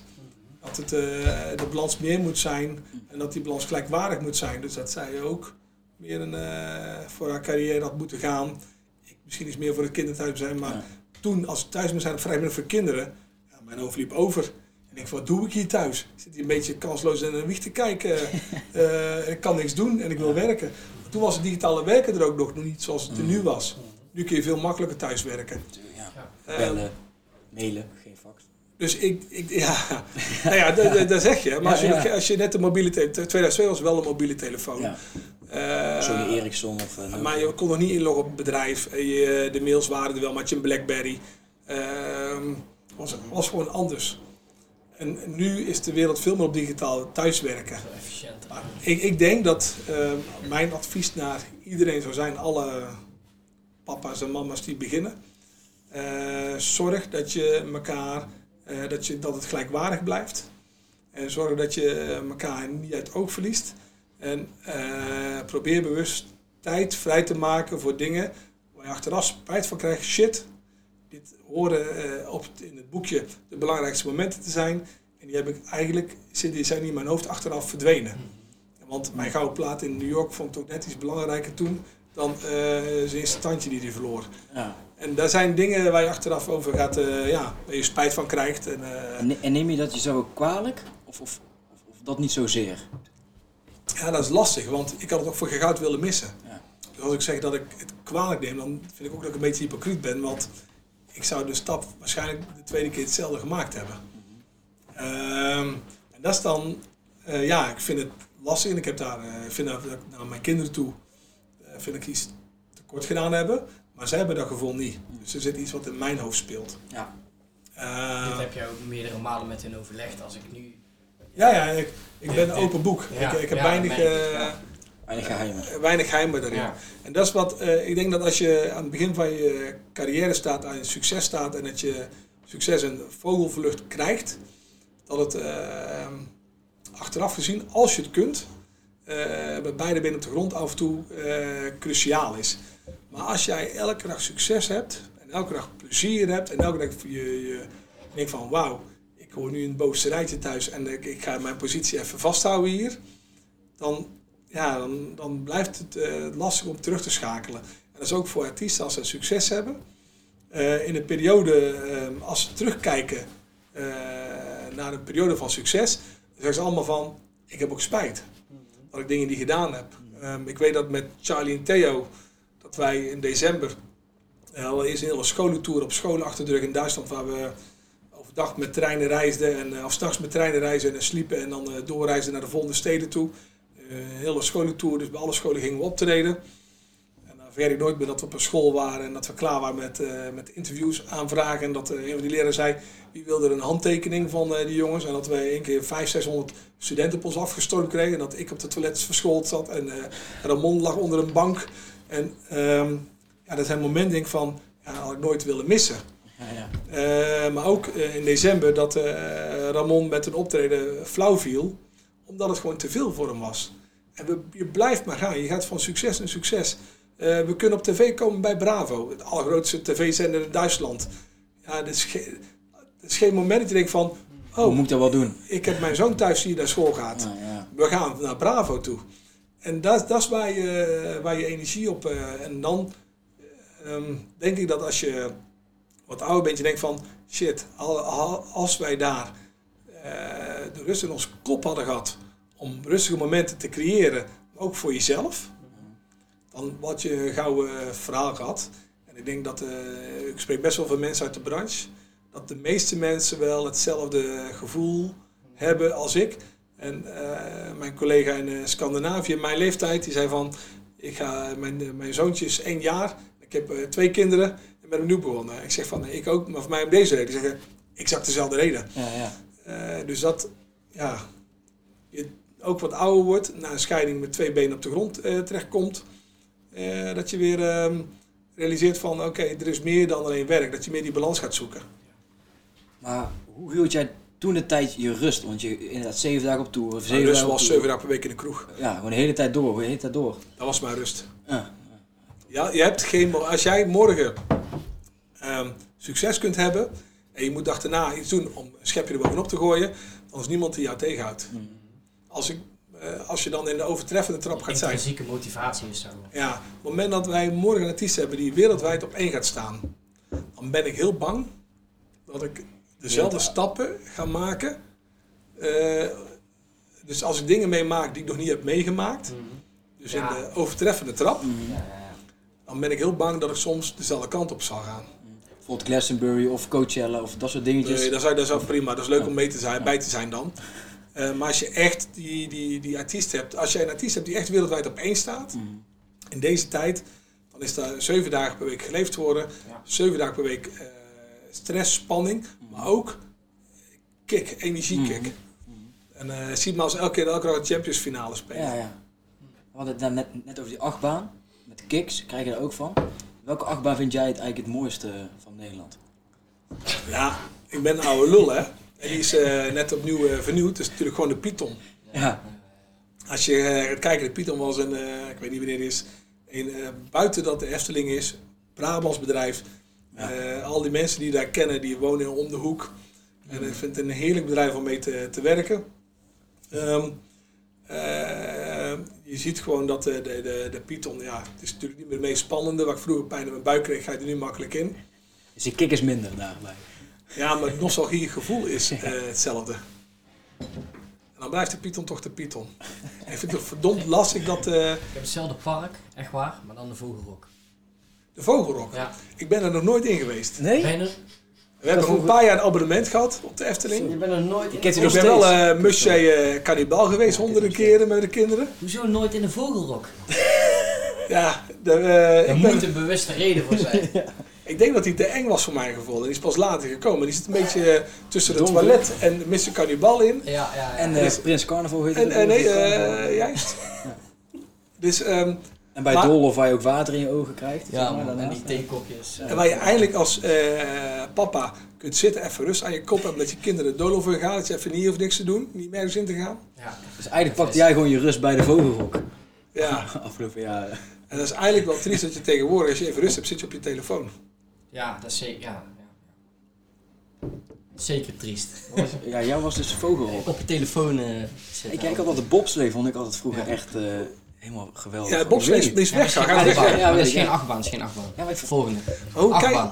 Ja, kijk, ja, maar dan inderdaad ook hetzelfde Python. Dat was wel gewoon altijd wel het ding. Alleen de eerste achtbaan waar ik in ging was de af. Vogelrok. Ja, daarom, ja, daarom, daarom is dat voor mij zeg maar die... Ben je ooit in de Goliath geweest? Ja, In de dat is Goliath? Bobbejaanland, Go- toch? Goliath, sorry. Bobbejaanland, hè? Nee, eh niet? Walibi. Walibi. Zo heet Six Flags. Maar heb je een... hoe ik heb er helemaal niks eh, met. Ik heb niks met Walibi en Six. Flags. Ik heb echt iets met de Efteling. Ik ook hoor. Ik ook Ja, dat is, zeker. eh, dat is, dat is, dat is het gevoel, Vooral Brabant. hoor. karakter van die sprookjesbos. eh, ik heb hetzelfde, ik vind De oprecht... eerste sprookjesbol ontworpen, is dat, eh, dat is Anton Pieck toch? Jazeker. Ja, toch? Maar andere vraag. kinderen. En dan, eh dat komt gewoon nu naar boven toe, hoe jullie tegenaan kijken. Vroeger Dan gingen we op tour en hadden we geen mobiele telefoon. En als we wel een mobiele telefoon konden we sms'en. Ja. En dat was wel pas later in de fase, 160 tekens. Maar dan met op je... Wel Twitter. goed. en, en elk berichtje wat je stuurde kostte 50 cent. Ja, ja. Dus daar was je voorzichtig mee. Ja.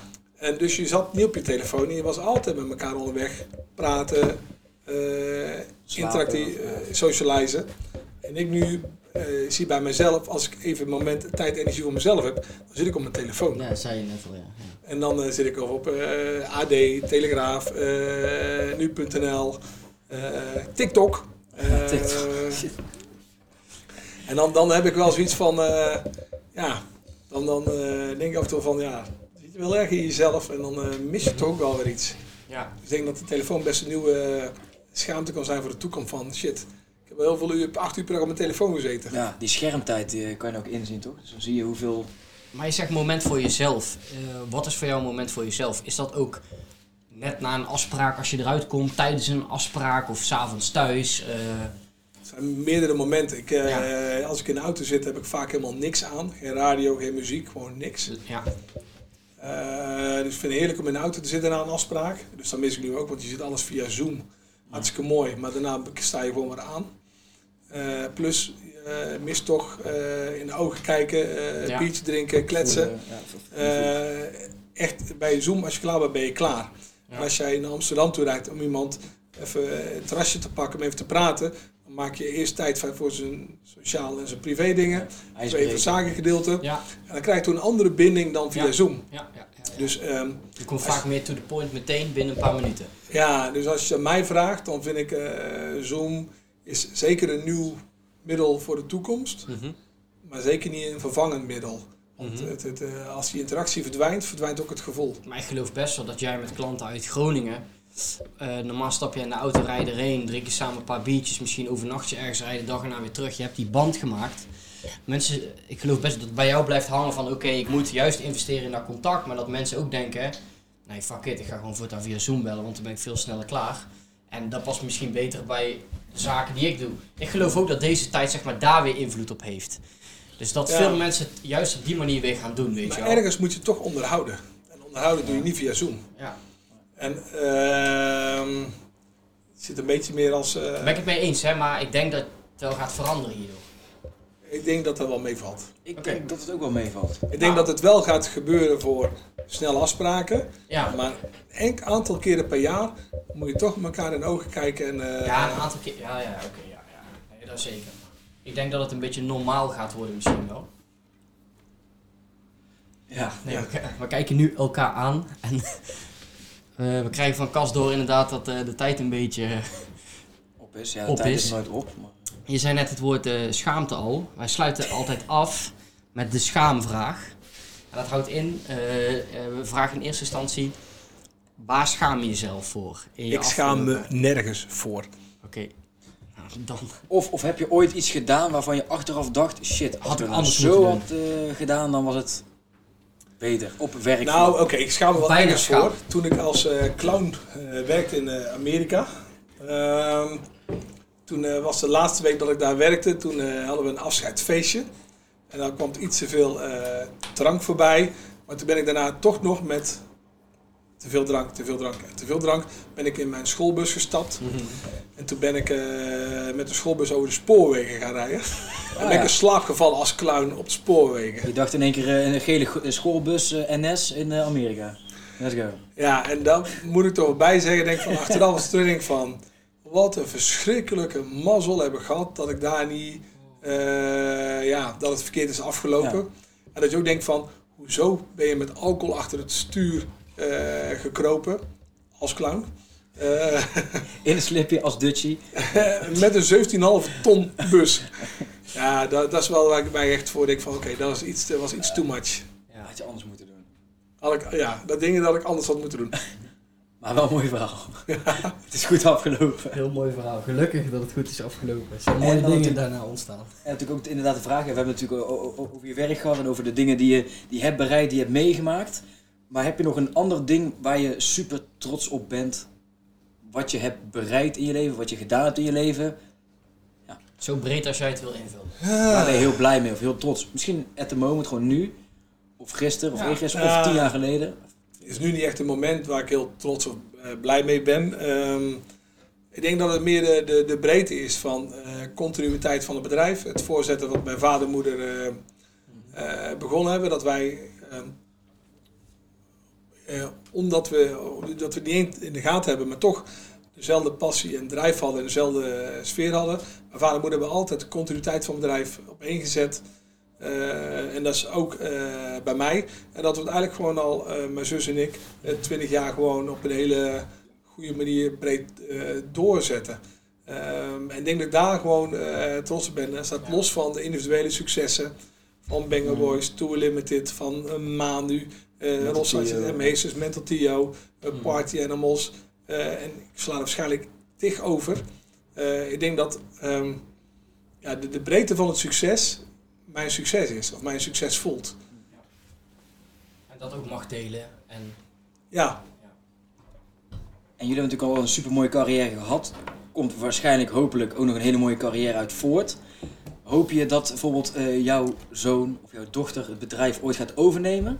Of het aankomend dochtertje of zoontje? Of Ehm, is het, Moet dochter, familie mijn, er komt een dochter meisje aan. Dus, Ja. ehm, eh, ik hoop natuurlijk dat het ooit een familiebedrijf wordt. Maar één ding is belangrijk. Wij zijn in het familiebedrijf begonnen met z'n eh, drie zussen. Eh, en ik erbij. En ehm, je moet niet op een familiebedrijf komen omdat je ehm, eh, verwacht wordt dat je in het familiebedrijf komt werken Dat het moet. dat het moet. En je, je moet het ook doen omdat je hart er ligt en ehm, dat je het zelf ook doet. En je moet je eigen drive vinden. Als ik niet tegen, met via Annemarie, mijn vriendin, tegen Charlo's met het team was aangelopen, dan weet ik niet of ik erin was gekomen. Misschien was het dan wel clown geweest geworden. Eh, dus je moet ook geluk hebben dat je eh, iemand je meesleurt door succes en door kick en door Ja. alles wat erbij komt. Dus er zijn meerdere factoren bij elkaar.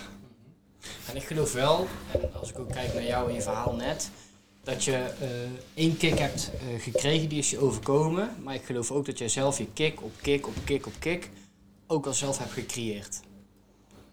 Ja, maar dat komt dat je overal bij bent. Ja, ja, precies. Maar ook omdat je weet van oké, nu zit ik op de goede golflengte. Dit is mijn ding inderdaad.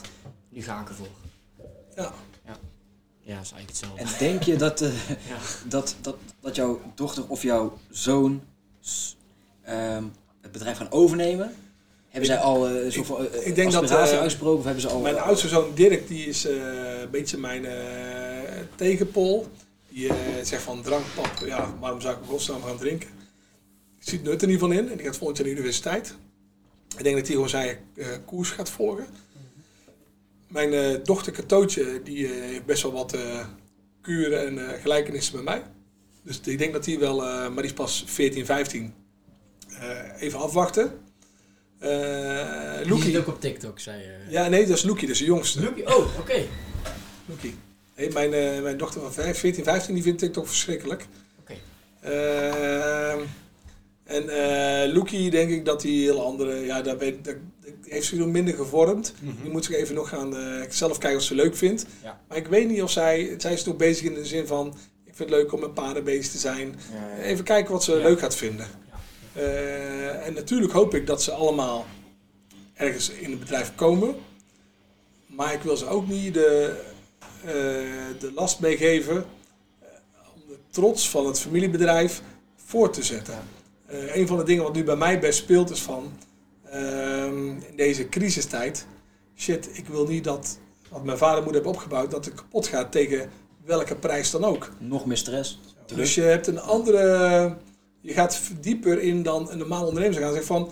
Oké, we laten de BV failliet gaan en we gaan door met de andere. Dus de BV. emotionele En betrokkenheid. Waar andere ja. mensen hebben over van. ehm, we gaan een nieuw. eh, ja, elk faillissement maakt je sterker. Ik wil geen Dat is bij faillissement. jullie niet aan de orde, zeg Ik, maar. ik wil geen, ik wil de trots van de familie doorzetten. Ja. En eh, dat vind ik belangrijker dan. Ik wil een faillissement meemaken. Of het is goed om er weer mee te maken. ja.